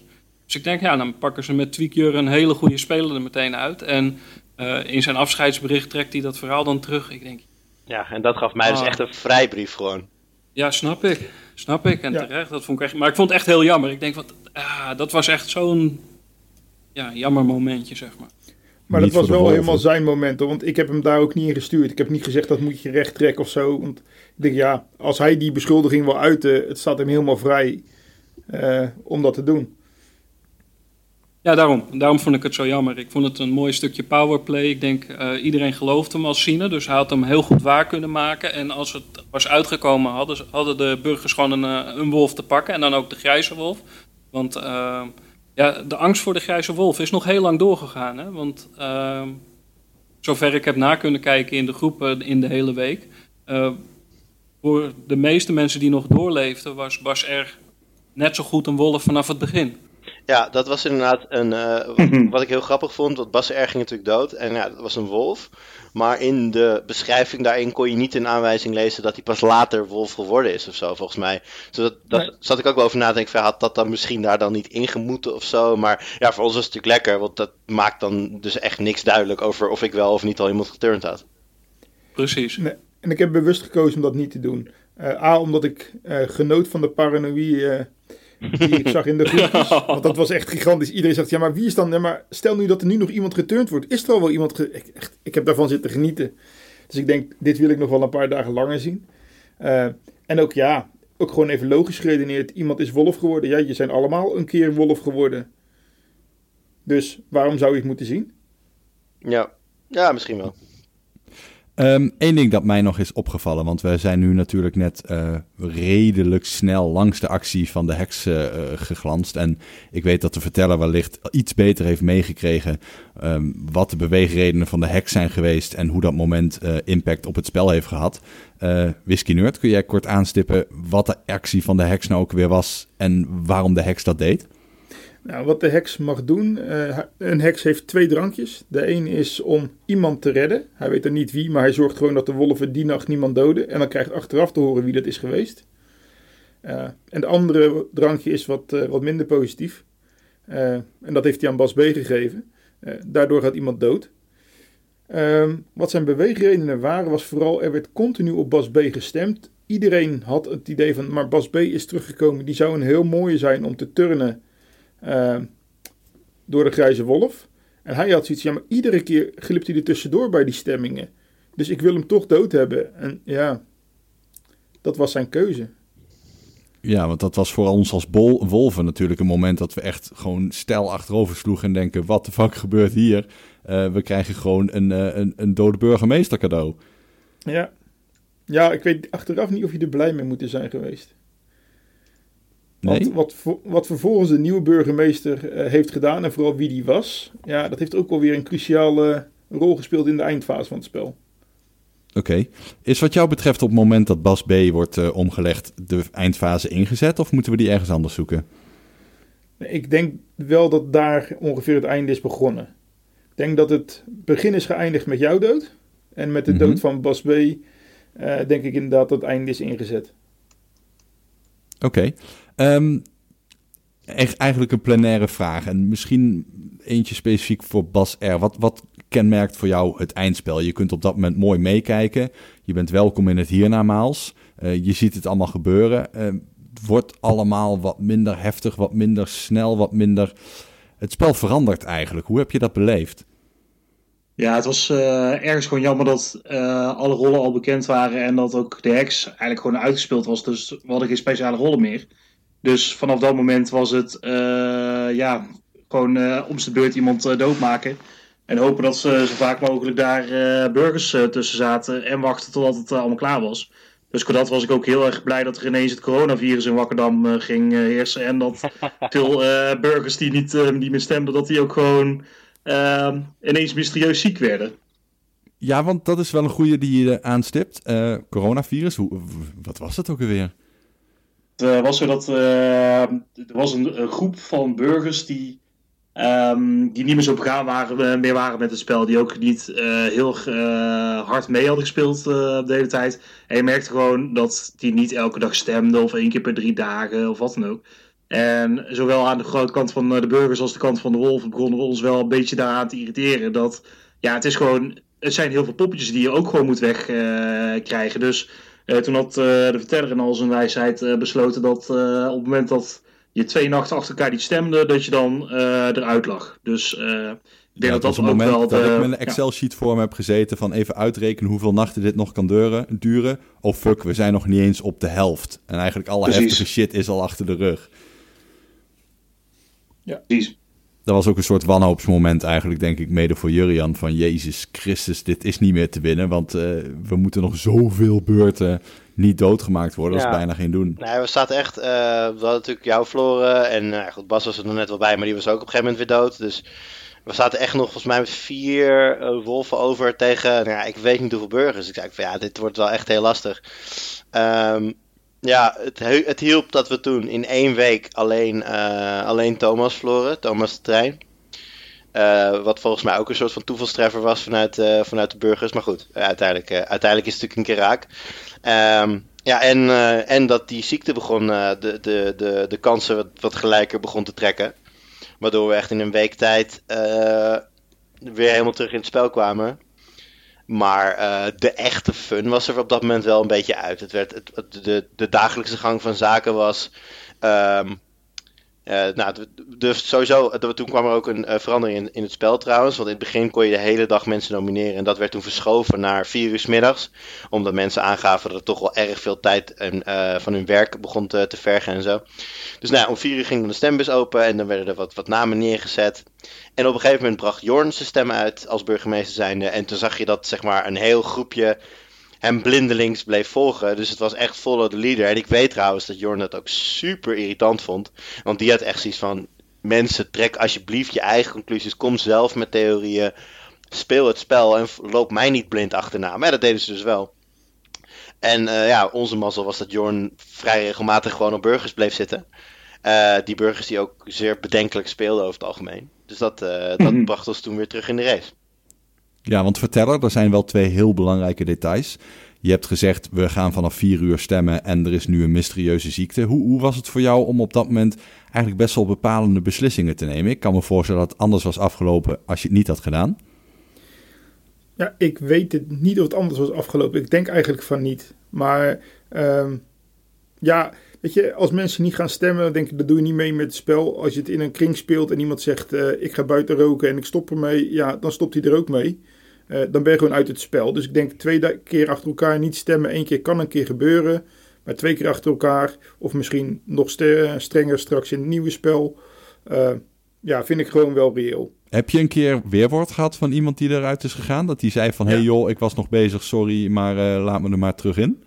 Ja, er was één iemand die, ik weet even niet meer wie het was. Maar die was er toch wel redelijk pist over. Want die zegt, ja, ik speel altijd actief mee. Ik zeg, ja, ik weet het. En dat was ook zo. Ik zeg, maar ja, ik zeg, je weet ook dat dit de regel is. Ik zeg, ik kan hem niet, niet bij jou hanteren en bij een ander wel. Uh, ik zeg, ik had die dag daarvoor ook gezegd van dat hij ziek was. Uh, dus ik heb expres mensen ook nog gementiond. Zo van, ja, maar dan zie je dat je genoemd wordt. Kom op, uh, je hebt één keer niet gestemd. Stem dan nu, nu weer mee en dan ga gewoon je spel weer spelen. Ja, ik denk als mensen dan toch dat bewust niet doen, ja, dan is het ook gewoon jammer. We hadden zelfs ook een wolf die twee keer vergeten was te stemmen. Ja. Gelukkig niet achter elkaar, maar uh, Wouter ja, was twee keer gewoon vergeten te stemmen. Ja. Ja, ja want ik, ik vind ook, kijk, zo'n spel is leuk als iedereen meedoet. En je zag het ook op een gegeven moment, is er een week dat er weinig actie was. Ook omdat we dan vanaf vier uur gingen stemmen. Ja, waar ik me op een gegeven moment wel zorgen om ging maken, is dat ik van mensen hoorde dat ze afspraken uh, niet na konden komen. Uh, of vergeten waren door het spel. Ik denk van ja, dit moet het ook niet worden. Het moet iets leuks blijven. Het moet niet uh, je hele leven overnemen. sorry Bas. Uh, iedereen. sommige mensen hebben dat iets sterker dat ze erin meegaan als anderen. Maar ik denk ja, het moet wel gewoon oké okay blijven. En ik wil ook niet dat mensen straks uh, slecht presteren op hun werk of iets dergelijks door een spelletje. Maar heb je alsnog oh, dat is niet gelukt. Ja, ik wou net zeggen. ja, sorry. Charlotte. Ben, ben, tot op vandaag aan het uh, inhalen, zeg maar. Ja, ja, nog tot maandag. Daarom. Precies. Hey, Charlotte, hoe was voor jou het, uh, het einde van het spel? Het einde? Um... Nou, op het einde uh, gebeurde er uiteindelijk weer wat. Toen we nog met, uh, met hoeveel wolven waren we nog over? Ik denk vier. vier? Jij, jij, Rob, Wouter en ik. Ja, en toen gingen ze in ene op jou. Ja. Ja. En toen werd het wel weer spannend. En jij was er ook uit. En toen was ook echt de vraag van hebben we nu gewonnen of hoe zit het? En dat moesten we nog een nachtje, nachtje wachten voordat we daar het antwoord op hadden. Ja, dat maar was voor jou een opluchting? Want je kon toen wel vrij praten. Je kon ook een beetje meespelen, fanatiek als wolf. Het was voor jou ja, eigenlijk misschien wel het leukste onderdeel van het spel. Uh, ja, toen hij de tweede keer uh, dood was. Toen uh, kon ik eindelijk zeggen dat ik wolf was. En toen, maar ja, toen was ook het spel al wat minder actief. Omdat, ja, toen waren al die belangrijke mensen er op een gegeven moment uit. En toen werd het wel wat ja, rustiger. Op het einde kwam dat wel weer wat terug. En ja, dat was wel leuk. Die laatste dag dat ik dan uiteindelijk doodging, uh, was de situatie eigenlijk zo dat als we toen slaagden om nog één burger te pakken, uh, en natuurlijk s'nachts een tweede burger erbij, dan hadden we sowieso gewonnen. Want dan zouden we, hè, dan zou je op een gegeven moment gaan pingpongen, overdag een, een, een wolf, uh, s'nachts een burger en dan zouden we uiteindelijk een wolf overblijven. Nou, die mazzel hadden we niet, omdat Jorn op mij stemde en die had daar een vrij goed verhaal over. Um, en toen gingen alle burgers eigenlijk mee. Maar omdat de ziekte toen diezelfde nacht, dat is eigenlijk een beetje de reden dat je dus uh, die nacht even ging wachten, wachten denk ik. Die nacht overleed er dus nog een burger aan de ziekte, waardoor het aantal wolven en het aantal burgers gelijk kwam volgens mij. En ja, de verteller had altijd gezegd, als het gelijk komt, dan hebben de wolven gewonnen. Dus volgens mij zat daarin uiteindelijk de sleutel. Correct me if I'm wrong. Nee, klopt. Technisch zat het daar. Um, er zat ik nog een ander kantje aan. Kijk, voor jullie is het allemaal heel intensief. Um, en, en ik merkte ook bij jullie de emoties, zeker die laatste dag. Want jullie gingen echt alles in het uh, werk stellen om te winnen. Mm -hmm. uh, alleen ik voel die zelf dus ook. En ik heb zelf ook gewoon die spanning. En ik denk, ah shit, dit gaat lukken of dat gaat lukken. Dus ik had al de endgame helemaal uitgeschreven. Ik had voor jou een hele mooie rol in de laatste scène geschreven. Ja, heb ik nog bij geholpen trouwens. Ook nog, ja inderdaad, maar het randeloverleg van, joh, is dit een beetje een leuk uh, verhaal als einde ook. We hadden ook de aftiteling uh, die we gemaakt hadden met daaronder een van de liedjes die geschreven was uh, en vervolgens opgenomen was door Wouter. Dus dat was allemaal voorbereid. En net op dat moment, eigenlijk in de laatste secondes weer, wordt er geswitcht. Ja. en is er weer zo'n cruciaal moment. Ja, en ik zag het toen ook even niet zitten om alles om te zetten nog op dat moment en toen het spel te beëindigen. Uh, ik wist natuurlijk toen wel dat er al niet gestemd was. En ik wist dat jullie s'nachts nog iemand mochten killen. Maar ik denk, die tijd pak ik mooi even. Uh, dat doen we morgenochtend wel. Ja, even laten bezinken inderdaad. Ja.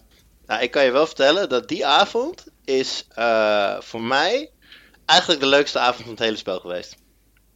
Want uh, als je dus doodgaat in Weerwolf, dat is volgens mij de vorige podcast ook wel uitgelegd, dan uh, kom je dus in het hiernamaals terecht met alle andere dode spelers. Ja, dat was wel even genieten. Waarom dan? Nou ja, uh, ik kwam daar dus binnen en uh, ja, daar zitten dus alle mensen die al dood zijn, waarvan een heel groot gedeelte ook door dingen die ik allemaal bedacht en gedaan heb in het spel. En je kan dan natuurlijk nog een redelijk eind doorlezen. En wat grappig was, is dat ze in het hiernamaals elke dag een stemming deden om te bekijken of eigenlijk aan te geven wie zij dachten dat er die dag zou worden uitgestemd. En ik kan je wel vertellen dat de mensen in het hiernamaals mij veel duidelijker en veel eerder in de smies hadden dan de daadwerkelijk nog levende burgers. Dat was echt heel erg grappig om te zien. Vrijwel zonder uitzondering kwamen mensen het hiernamaals in. Uh, nou, dan werden ze welkom geheten. Hè? Uh, welkom, zoek een mooi wolkje uit en kijk gezellig mee. En allemaal gaven steeds aan, ja verdomme, ik had gewoon die Twiekier moeten stemmen. En hij is niet te vertrouwen.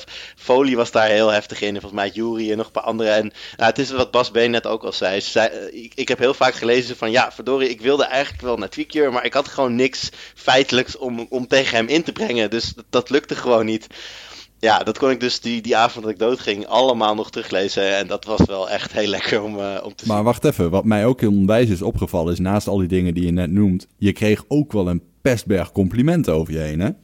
Nou, ik vond zelf ook wel dat ik het spel vrij goed gespeeld had. Ik bedoel, uiteindelijk... Oh. Ja, nee, je mag het zeggen dit keer. Nee, uiteindelijk, ik, ik, uh, dat heb ik ook tegen Bas R. Uh, persoonlijk wel gezegd van nou, ik wil niet mezelf tot MVP uitroepen, maar ik denk dat ik een aardige kans maak uh, wat dat betreft. En uh, nou ja, dat, dat was leuk om te horen. Inderdaad, toen uh, alle, iedereen reageerde heel, heel sportief, uh, zoals het hoort eigenlijk. waar ik groot respect voor heb, want ik heb dat zelf zeker niet altijd in me. Om op die manier te reageren. Maar nee, dat, dat was mooi om te lezen. En ja, nee, wat dat betreft vind ik het eigenlijk jammer voor de andere wolven dat ze dat niet ook hebben meegemaakt. De overgebleven wolven. Om dan in, die, in dat hier normaal te komen en te zien hoe die burgers daar nog heel actief bezig waren ook met het spel. Ja, om te vertellen, het einde was, uh, zoals we net al hoorden, eigenlijk ja, mooi, terecht en, en een goede overwinning. Maar het had ook wel iets anticlimactisch. Um, ja, hoe was het voor jou om dan dat verlossende woord toch te geven? Ja, ik vind dat op zich altijd wel ja, een tof moment. Alleen dit keer had ik het echt heel anders voorspeld. Ik had niet gezien, en ja, ik kan ook niet in de DM's kijken, dus daar mis ik een uh, stuk informatie. En ik had niet zien aankomen wat er die avond gebeurde. En ja, je ziet uh, dat er toch een aantal mensen ook bij de Wolven zaten die dan redelijk emotioneel erin zaten. En ja, maar het gaat toch niet meer lukken. Misschien kunnen we toch wel, dan weer niet. Weet je, echt, echt die up-en-down uh, emoties zie je. Ja, en dan ergens, nou ja, net, zoals ik net ook aangaf, ik heb wel een kleine voorkeur voor de Wolven altijd. Uh, ja, dan denk je, kom op jongens, even doorzetten, dit, kunnen je luk dit kan lukken. En dan zie je echt zo, twee minuten voor acht of zo, zie je één stem weggaan. Ja. En dan zie je nog, en dan denk, denk je, oh fuck, dit gaat toch niet gebeuren. Ja, bij de eerste stem denk je gewoon van, hé, hey, hier wordt getwijfeld. Bij de tweede denk je, hier zit een plan achter. En dan bij die derde en die vierde denk je, oh, wacht even. Ja. Nou, ik weet nog, want wij waren een demo ook op dat moment. En, uh, want uh, jij zei al van, joh, het is al afgelopen, maak je nou niet druk. Maar ik zei al van, ja, als Jorn gaat stemmen, uh, want die had op dat moment ook niet gestemd en die gaat op mij, dan zou ik me echt niet verbazen dat die anderen ook meegaan. En jij, jij, was, jij stond er heel positief tegenover. Dat ik echt zoiets had van, nou, ik weet het ja. niet. Ja, dat klopt. Maar dat was ook. Kijk, ik heb de DM-gesprekken niet gezien, want dit was een vooropgezet plan. En ja, daar had ik niks dus, van dat meegekregen. denk ik dus niet. Ik denk echt... Ja, nee, dat was het wel. Okay. Ja, dat hebben ze ook gezegd. Okay. Dat, hier zat gewoon een plan achter. Uh, ze hadden afgesproken, we gaan dit doen. En op het laatst switchen we dan, want dan zien we wie de echte spelers zijn. Ja, slim. Wie de echte wolven zijn. En dat hebben ze slim gedaan. Ik was er echt wel van onder de indruk. Ik denk, als je ziet hoe de, uh, de burgers hiervoor speelden. Het eerste gedeelte dacht ik echt, ja, dat was met uh, grof geschut en een beetje geluk kan je altijd wel een paar wolven pakken. Uh, ja, sorry uh, Remco. Je was misschien niet de worst scener ever, maar op sommige punten kwam je in de buurt. ja, en dan dacht ik opeens, dit, deze actie had ik niet voorzien. Ik vond hem zo slim opgezet. Ik was wel impressed. Ja, ja het is op dat moment jammer. Uh, ik weet nog, ik stond te koken. Gewoon op dat moment, ik was vrij laat. En um, eh, ik weet niet meer, iemand vroeg mij toen van hoe voel je je nu, zeg maar. Mij was het Ida, die in hiernamaals, nee, die kwam, er was ook een hiernamaals voor alleen wolven, geloof ik. Ja. En eh, Ja, daar vroeg, where the wildlings roam. ja, en daar vroeg Ida maar van, ja, voel je je nu kloten? En ik zei, nou, nee, eigenlijk gewoon best wel goed of zo. Ik, eh, toen had ik ook helemaal het hele hiernamaals niet gelezen verder, maar ik, ik, ik had er wel vrede mee. En nou ja, ik had er ook nog wel vertrouwen in dat de overige, want het was niet heel clear cut. Want eh, wat je net zegt, eh Whisky, eh, dat plan wat ze hadden opgezet was om te identificeren wie dan de laatste wolven waren. Maar die switchte eigenlijk soort van naadloos. Sowieso, eentje zat er de hele tijd al op mij. En die, ging pas, die zou pas weggaan als we konden winnen. Dat was volgens mij Wouter. Die is überhaupt niet van mij af geweest. Dus ja, zo clear cut was het niet. Dus ik had ook zoiets van, nou, ik denk dat ze het nog wel thuis kunnen brengen of zo. En uiteindelijk bleek het dan dezelfde nacht, nacht nog, nog afgelopen te zijn. Maar ik voelde me op zich wel heel rustig bij of zo. Maar ik denk ook wel dat de Wolven het alsnog hadden gewonnen. Want ik heb later gehoord wie er dan op het verdachte lijstje kwamen. Er zaten twee wolven tussen. Maar ja, ook iedere nacht gingen er twee burgers dood. Maar één, Dus hè? de Eén- marge was al één. Eén om één natuurlijk. Ja, dus dan zou je twee nachten achter elkaar hebben gehad. Een wolf en een burger, een wolf en een burger. Ja, en dan kwam het op aan. En dan hadden ze nog een andere burger als wolf. Ja. Dus uiteindelijk hadden de wolven het ook op die manier nog gewonnen. Ja, precies. Nee, dan had je het. Ja, dan had je. Dat, dat heb volgens mij heb ik het een week van tevoren al een keer voorgerekend. Dan had je op een gegeven moment in een rare situatie gekomen. Dat je een nacht ingaat met eh Jorren aan de ene kant als burgemeester sled. En een wolf aan de andere kant. Nou, dan gaat logisch gezien. Gaat Jorren dan bij die wolf slapen. En dan moet de wolf dus kiezen of dat hij gaat proberen om Jorn thuis te pakken, maar daar is hij niet. En dan, ma- dan wint Jorn, hè, dan winnen de burgers overdag. Of die wolf moet dan zelfmoord plegen. ja, dat scenario had ik helemaal nergens over gegaan. Nee, inderdaad. Dus ehm, we hebben er een, eh, of ja, de verteller heeft er een eind aan gebreid. Toen kwam ook die epische eh aftiteling video met, eh, met die muziek. Hoe heb je dat zo snel in elkaar geflanst? Nou ja, dat heb ik niet gedaan. Eh, oh, Nee, nee, nee. Ere wie ere toekomt. Ik weet even Dank u. wie... BCA. Ja, ja. ja, Ja, want dat was. Ik heb eh, had Wouter eh, tekst benaderd. geschreven. En Wouter had dan... eh, jij hebt Wouter benaderd. En vervolgens heb ik, toen ik dat gezien of gehoord had... Ik ja, dit is tof, hier moeten we iets mee. Toen dacht ik van, hé, wat ga je nou doen met zo'n muziekje? Ja, dat hoort onder een aftiteling. Dus toen eh, ben ik in, op de rest van Slack gaan vragen van wie kan er een aftiteling maken, want ik kan niet zoveel met de computer op het moment. En toen duurde het even en uiteindelijk eh, kwam een van de wolven, eh, Wouter ook, Wouter VDA. ja, die, die ging me daarbij helpen. Dus toen heb ik snel wat icoontjes getekend met de hand op papier en ingescand en aan hem doorgestuurd. Nee, foto's van gemaakt zelfs. En die heeft hij vervolgens eh, gebruikt en hij heeft eh, daar een leuke aftiteling van gemaakt. ik heb dat liedje nog steeds dagelijks in mijn hoofd, weet je dat? Ik Hmm. ook. Nou, ik vind het origineel sowieso gewoon, eh, gewoon leuk. Dus ik ken, ik ken de, de, de, de- het liedje waar het op gebaseerd is eh, vrij goed. Maar misschien is het nog wel even leuk als, eh, laten we zeggen, Bas R. even vertelt wanneer Wouter dit in elkaar heeft gedraaid. Ja, dat, eh, ik had dus, eh eh, WCA had ik, eh, dus de andere Wouter had ik benaderd om dit te doen. Dus eh, was mijn whisky bezig met KB, gaan we dat regelen en zo.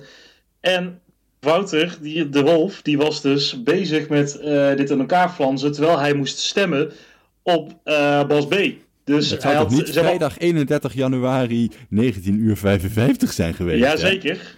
Oh. Op dat moment was hij die aftiteling aan elkaar aan het flansen. Hij was zelfs op dat moment precies het Emlot-logo aan het veranderen. Dat het op, eh, niet op een blikje spaarrood eh de bril zat, maar op een biervat.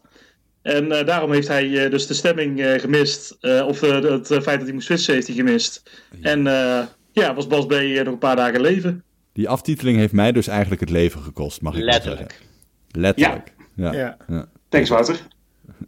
Hey, ehm, Bas B. Charlotte, hoe hebben jullie de laatste nachten beleefd? Of eigenlijk het, het einde van het spel? Was het een ontknoping, een opluchting?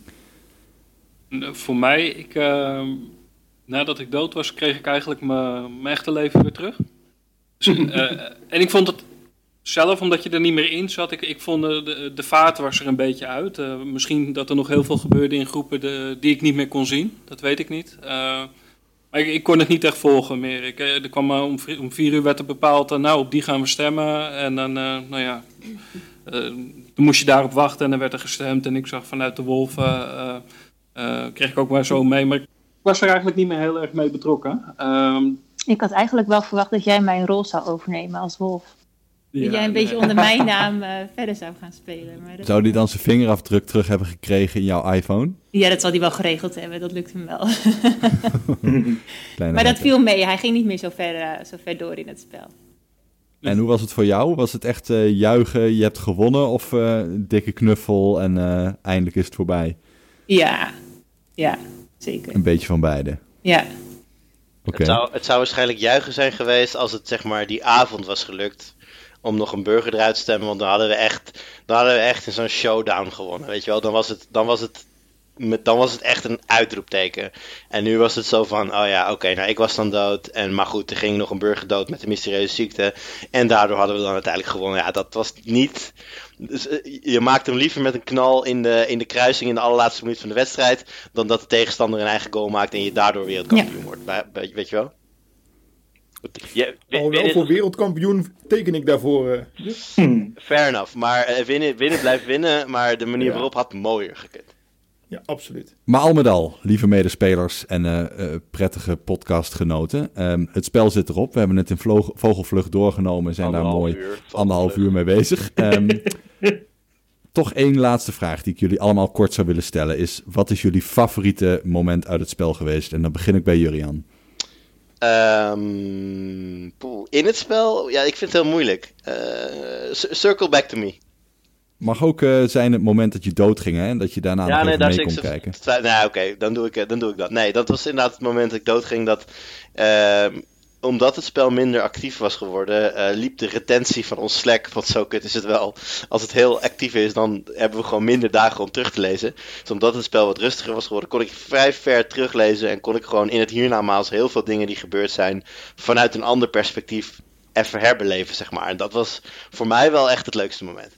Ja, heel goed dat we er nu een nieuwe Slack voor hebben gemaakt. Zodat we in ieder geval op eh, twee Ja. fronten die, eh, die nieuwe Slack die we hebben gemaakt. eh, ik heb dat even uitgezocht. Die is inmiddels al actiever dan sommige andere podcast Slacks van andere Nederlandstalige podcasts. dat is eigenlijk best wel bizar. Dat je nu gewoon andere podcast te burnen.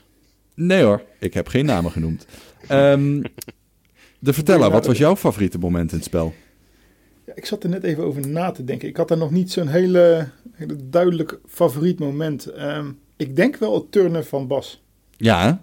Ja, dat was wel echt zo'n omslagmomentje wat ik al een tijd zag aankomen. Want ik zag jullie twijfel om dat te gaan doen. Ik zag in de rest van de groep het vertrouwen dat er was. Ik denk, oei, als dit nu gebeurt, dan is het gedaan. Dan was het een we- goede keus?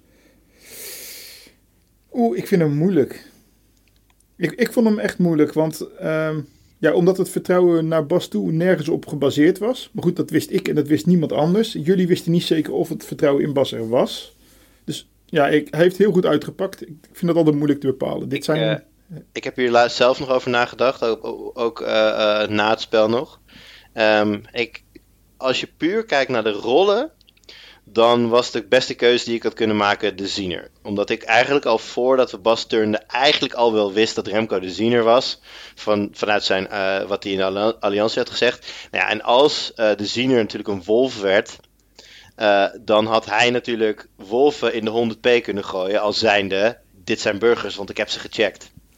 Ja. Ja, dan was het game over. Het is alleen, en dat is misschien lullig om te zeggen voor Remco, maar ik had gewoon niet veel vertrouwen in dat wij, of dat ik met hem kon gaan samenwerken, zeg maar. Want ik hoorde het van Bas de hele tijd dat hè, in de 100p en volgens mij ook in een groep die heette de Justice League, daar, eh, daar, daar riepen mensen dingen die ze graag gecheckt wilden maar Remco trok heel erg zijn eigen plan. En ik was er niet van overtuigd dat als ik hem dan zou turnen, A, er zat altijd nog een risico in dat hij zelf niet echt de ziener was, dan, dan zou ik helemaal een fout hebben gemaakt. En B, wat als hij dan nog steeds gewoon zijn eigen plan trok en niet helemaal meeging in het wolvenspel. Dat was voor mij wel echt een hele grote twijfel. Maar als je puur kijkt naar Bas zijnde een burger die dan wolf werd of de kans om de ziener te turnen, dan had dat speltechnisch denk ik wel de sterkste keuze geweest.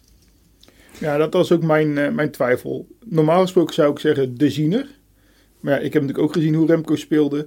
En weet je, ook als je de ziener uitschakelt, heb je meteen ook een belangrijke rol die je niet meer hoeft uit te schakelen. En je kan altijd de baljuw vragen om de ziener te beschermen. Eh, Je kan daar veel meer Ja, mee. Maar ja, je moet wel geloven in die samenwerking. Ja, en wat ik zeg, hè, ik, was, ik, ik, ik dacht vrij zeker te weten dat, ik, dat, dat hij het was. Maar het voelde ook wel lekker om gewoon iemand te turnen die gewoon, waarvan ik zeker wist dat hij me meer informatie kon gaan geven, zeg maar. Wat ik wel vrij zeker denk te weten is dat ik er heel veel lol aan heb gehad. Want uh, Bas R. was een ontzettend grappige wolf om in je team te hebben. Zeker omdat hij een heel betoging houden, omdat hij uh, ja, zo lekker met zijn salescapaciteit kon strooien. Bas B, wat, uh, of Bas R, sorry, wat was jouw favoriete moment van het spel? Ja, het is wel een beetje een split tussen het moment dat ik turnde inderdaad. En dat ik ook teruglas van, oké, waar is die keuze op gebaseerd? En uh, ook dat uh, jij, Randall, had gezegd van... Ja, we moeten hem wel een beetje coachen in het wolf zijn. Want het wordt natuurlijk wel heel heftig voor hem om uh, ineens voor de andere partij te spe spelen. Terwijl ik juist, ik kwam erin en ik was echt van... Mooi, ik ben wolf. Ik vind het heel mooi. Ja, ik had nog een hele brief dus, voor je gegeven en zo. Ja, precies. Dus ik, dus ik vond dat echt een superleuk moment. En ja, close second uh, is wel uh, de 31 januari 1955. Dat echt, uh, Jurgen en ik hadden net de tegenpartij opgericht. En dat ze iedereen erbij gingen trekken. En dan Bas B voor aan de galg wouden, wouden regelen. En dat het net niet lukte. Het was zo spannend. Het heeft echt vijf jaar van mijn leven gekost. Beurt voor Bas B dan. Wat was jouw favoriete moment? Ik heb, ik heb het mooiste moment uh, vond ik zelf dat ik uh, op een gegeven moment op Slack keek en dat er gewoon een, dat er uh, iemand nog naast het spel gewoon een hele krant had gemaakt. ik vond dat zo vet. Um, Sharon en Jan Riesen. Ja, absoluut. Ja, absoluut. dat ik dat zag, ik, ik weet nog, ik stapte de auto uit, ik keek even en ik zie de krant. Ik ben gewoon weer terug in de auto gaan zitten. Ik denk, ik moet eerst even de krant lezen, want dat vond ik echt super gaaf. Um, dat ik ook terugkwam uit de dood, stuurde me ook uh, binnen vijf minuten vragen, eh, een, een interview. Van ja, uh, je wil, ik wil een interview voor in de krant. Dus ik nog s'avonds dat hele interview uittikken voor hem, wat hij overigens netjes heb geplaatst. Dus dat vond ik zelf wel een van de mooiste momenten. wat ook wel aangeeft de, de, ja, de energie die, die erin zat in die eerste week. Dat, dat was niet normaal. Gewoon een en al liefde eigenlijk. Ja, eigenlijk wel. Kijk, het moment tussen Randall en mij was zeker mooi, maar ik had hier echt zoiets van, van wauw, wat, wat, wat gaat het ver eigenlijk. Ja, een en al gekke huis. Charlotte, jouw favoriete moment van het spel? Mm, nou, heel onaardig, maar dat Bas eruit was. was uh, Welke van de keren? En, uh, en dat laatste, ja, de tweede keer, de tweede keer dat ik open kon zijn. En uh, het laatste moment toch wel, dat je s ochtends toch hoort dat je hebt gewonnen en met dat liedje erbij en die aftiteling, dat was ook wel heel erg gaaf. Heb jij dat liedje ook in je hoofd voor eeuwig en voor altijd? Ja, zeker. Ja. ja. Ja, dat was een mooi moment. Ja, ik denk dat ik toch eigenlijk met al die mooiste momenten wel mee kan gaan. Ik kan hier niks anders van verzinnen. Het enige wat ik nu achteraf wel heel vaak terugfilm in mijn eigen hoofd... had ik dan wel burgemeester willen zijn... en had ik die rol dan niet door moeten geven aan iemand anders die ook wolf was. Maar op beide antwoorden kan ik eigenlijk alleen maar ja, bij de vraag bedoel ik, kan ik eigenlijk hetzelfde antwoord geven. Ik, ik, ik zou weinig dingen anders hebben gedaan. De enige cruciale fout die ik heb gemaakt, en dat is dan ja, niet het mooiste moment, maar wel het meest leerzame moment. Ik heb de hele tijd gepredikt van hoeveel mensen zeggen, daar kun je niks uh, op, op bouwen.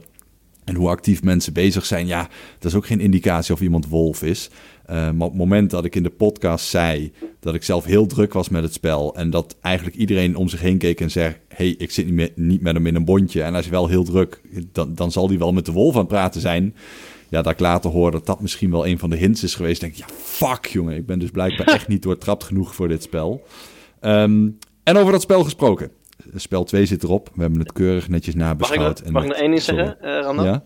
Want jij vindt dat dus een fout van jezelf. Terwijl ik heb letterlijk een bericht dat bedoeld was voor de wolven in het dorp gezet. Ja, ja, en op de een of andere manier heb ik me daaruit gelukt. Ja, nee, uh, kijk, wat dat betreft, ik zou sowieso dood zijn geweest. Dus in die zin kun je niet spreken van een fout. Uh, ik heb het ook een week wel overleefd. Laten we het ook zo beschouwen. Um, dus ja, weet je, de toekomst zal het leren. En hè, over die toekomst wil ik het toch even hebben. Ja. Want er komt natuurlijk een derde spel aan. Uh, de aanmeldingen stromen massaal binnen. We hebben een iets andere uh, verhouding uh, wolven en mensen en een iets kleinere groep. We hebben een nieuwe Slack.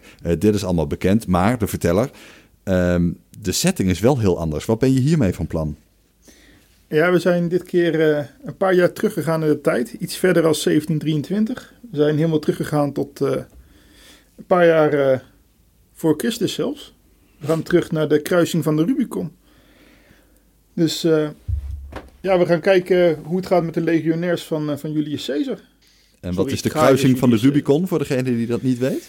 Ja, voor degene die iets minder een uh, Romeinse geschiedenis nerd is als ik. Uh, Ja, de kruising van de Rubicon was het moment waarop uh, Julius Caesar met zijn legioen, legioenen de Rubicon, de rivier de Rubicon, over, overstak. En daarmee eigenlijk het gebied rondom Rome betrad. En dat was ja, zwaar verboden. Je mocht de Rubicon niet over. Je troepen moest je achter de Rubicon laten. en dat heeft een, een grote crisis veroorzaakt, eigenlijk een constitutionele, constitutionele crisis veroorzaakt in Rome, wat uiteindelijk geleid heeft tot de val van de Republiek. Ja, en de reden dat ik dat een klein beetje wist is omdat ik uh, Death Throes of the Republic van uh, Hardcore History Dan Carlin heb geluisterd. en daarom kon ik jou ook heel mooi verbeteren. Jij schreef namelijk in een bericht dat het daar zou gaan om het leger van de keizerrijk. En ik zei nee, op dat moment was het nog een republiek. En daar had ik je als... Uh, Smart is. daar had ik je dan als Rome-fanatiekeling toch wel heel even tuk. ja, daar had je me zeker tuk. En ik, ik ben behalve Dan Carlin fan, ook fan van uh, Mike Duncan, The History of Rome. Als we dan toch even podcast aan het pluggen zijn. Uh, maar ja, ik, ik had me hierin gewoon vergist. Ja. Augustus was gewoon nooit. Maar Augustus is ook nooit keizer geworden. Maar volgens de geschiedschrijving altijd de eerste keizer. Ja. Is misschien voor het spel ook niet super belangrijk verder. Nee, maar wel heel erg leuk. Dat laat maar weer zien hoe we toch wel weer nerds om tafel zijn.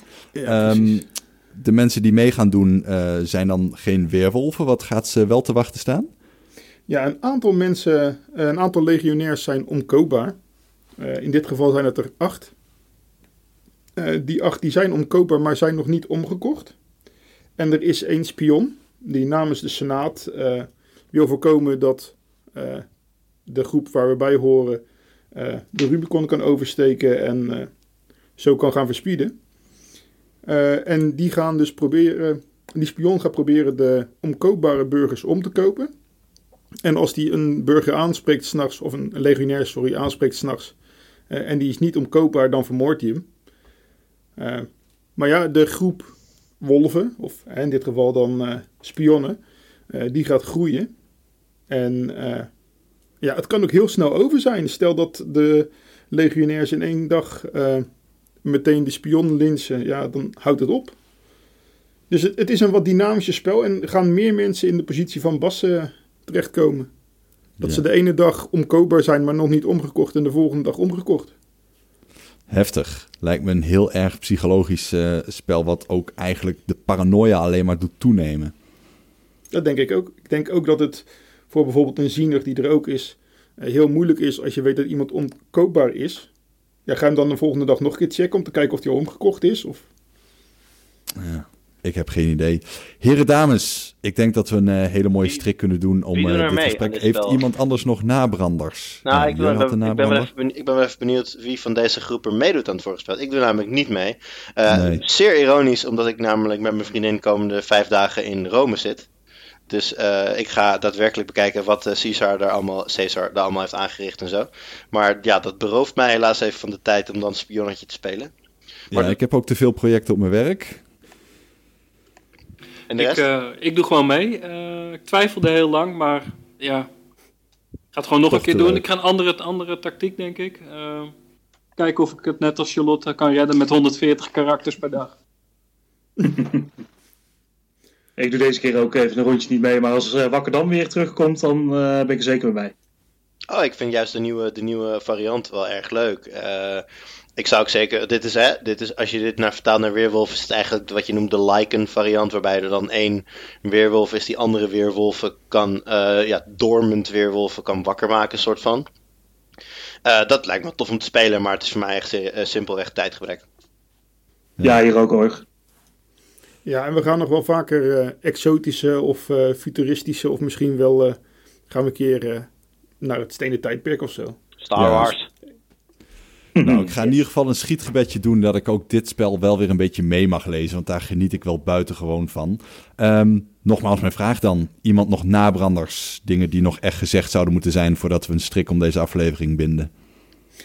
Ja, toch nog wel eentje. Uh, we hebben misschien net toch wel best wel redelijk uh, hard Remco zitten burnen. En ik denk, er zijn wel meer mensen die het voor het eerst speelden. Remco speelde het ook voor het eerst. En dan vind ik toch altijd wel tof hoe mensen dan meedoen en hoe ze zich inzetten. Ja, absoluut. Ik uh, wil dan ook nog wel een kleine shout-out plaatsen naar uh, Folie en Gerine, die volgens mij uh, als een van de weinigen ook tijdens hun leven al in redelijk vocaal duidelijk maakt dat ze mij niet vertrouwden. En als een van de weinigen toen die heads tegen mij zijn gestart. Het is jullie niet gelukt, helaas. Maar wel vet, wel goed gespeeld. Ja, wat eigenlijk wel naar gehind is, maar niet letterlijk is uitgesproken, dat Foley ook als enige op een gegeven moment fel uh, tegen de ziener was en dat ook uh, publiek in het dorp deed. En daar uh, ook dagelijks wel gebeurd, oh ja, sorry, de verteller inging en, en ook dagelijks gebeurd werd. Een been miste, een oog en weet ik veel wat. Ehm, ja, weet je, zoveel mo mooie momenten in dit spel en ik denk dat we er nog heel lang van na gaan genieten.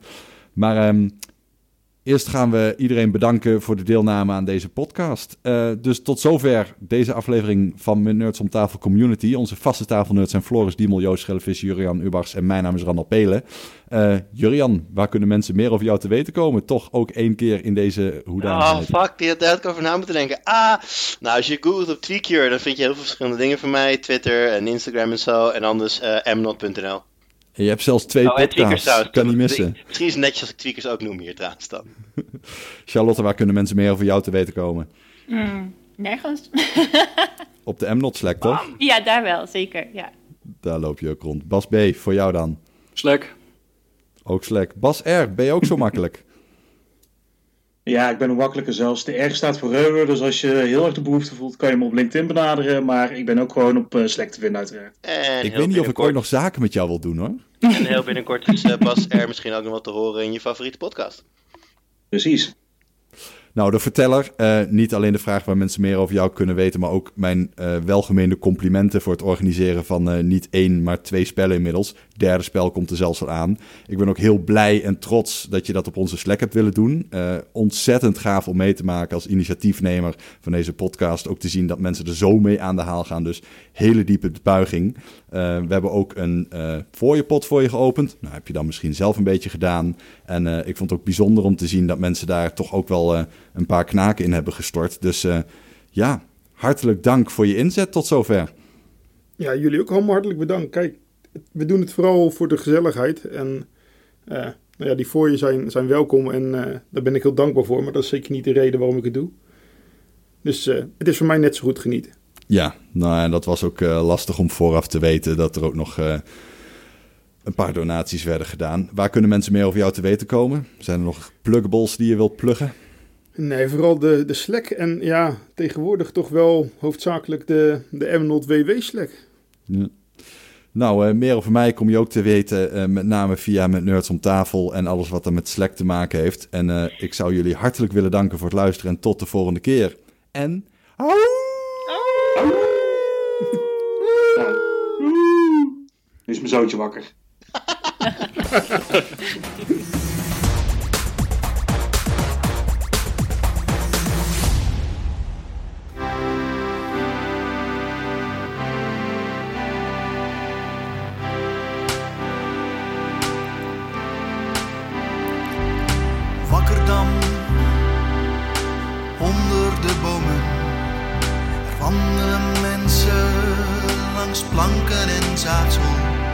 waar Randal en Wolven nog steeds op hun voetstuk staan.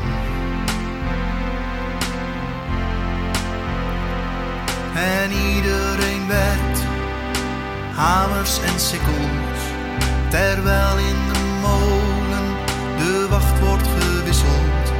Honderd jaar wolfvrij,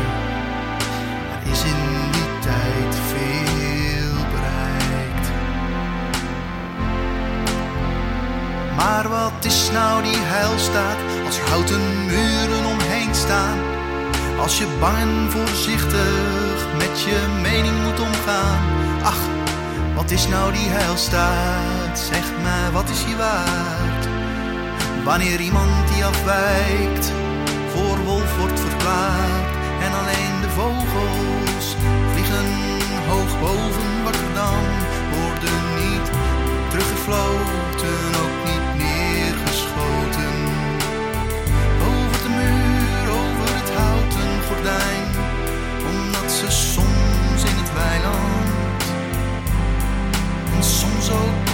toch mijn zijn.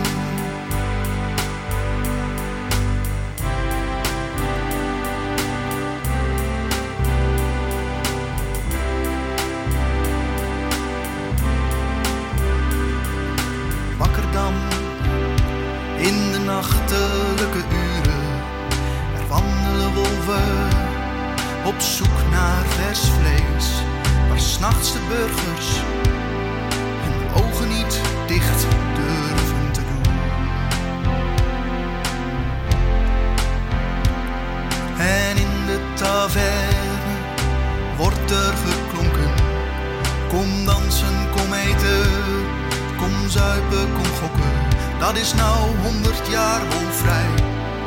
Er is in die tijd veel bereikt. Maar wat nou die vrijheid zonder huis, zonder baan, zoveel onzekerheid, waardoor je amper kunt bestaan? Goed, je mag demonstreren, maar met je rug tegen de muur. En alleen als je geluk hebt, dan is de morgen weer daar. En alleen de vogels vliegen hoog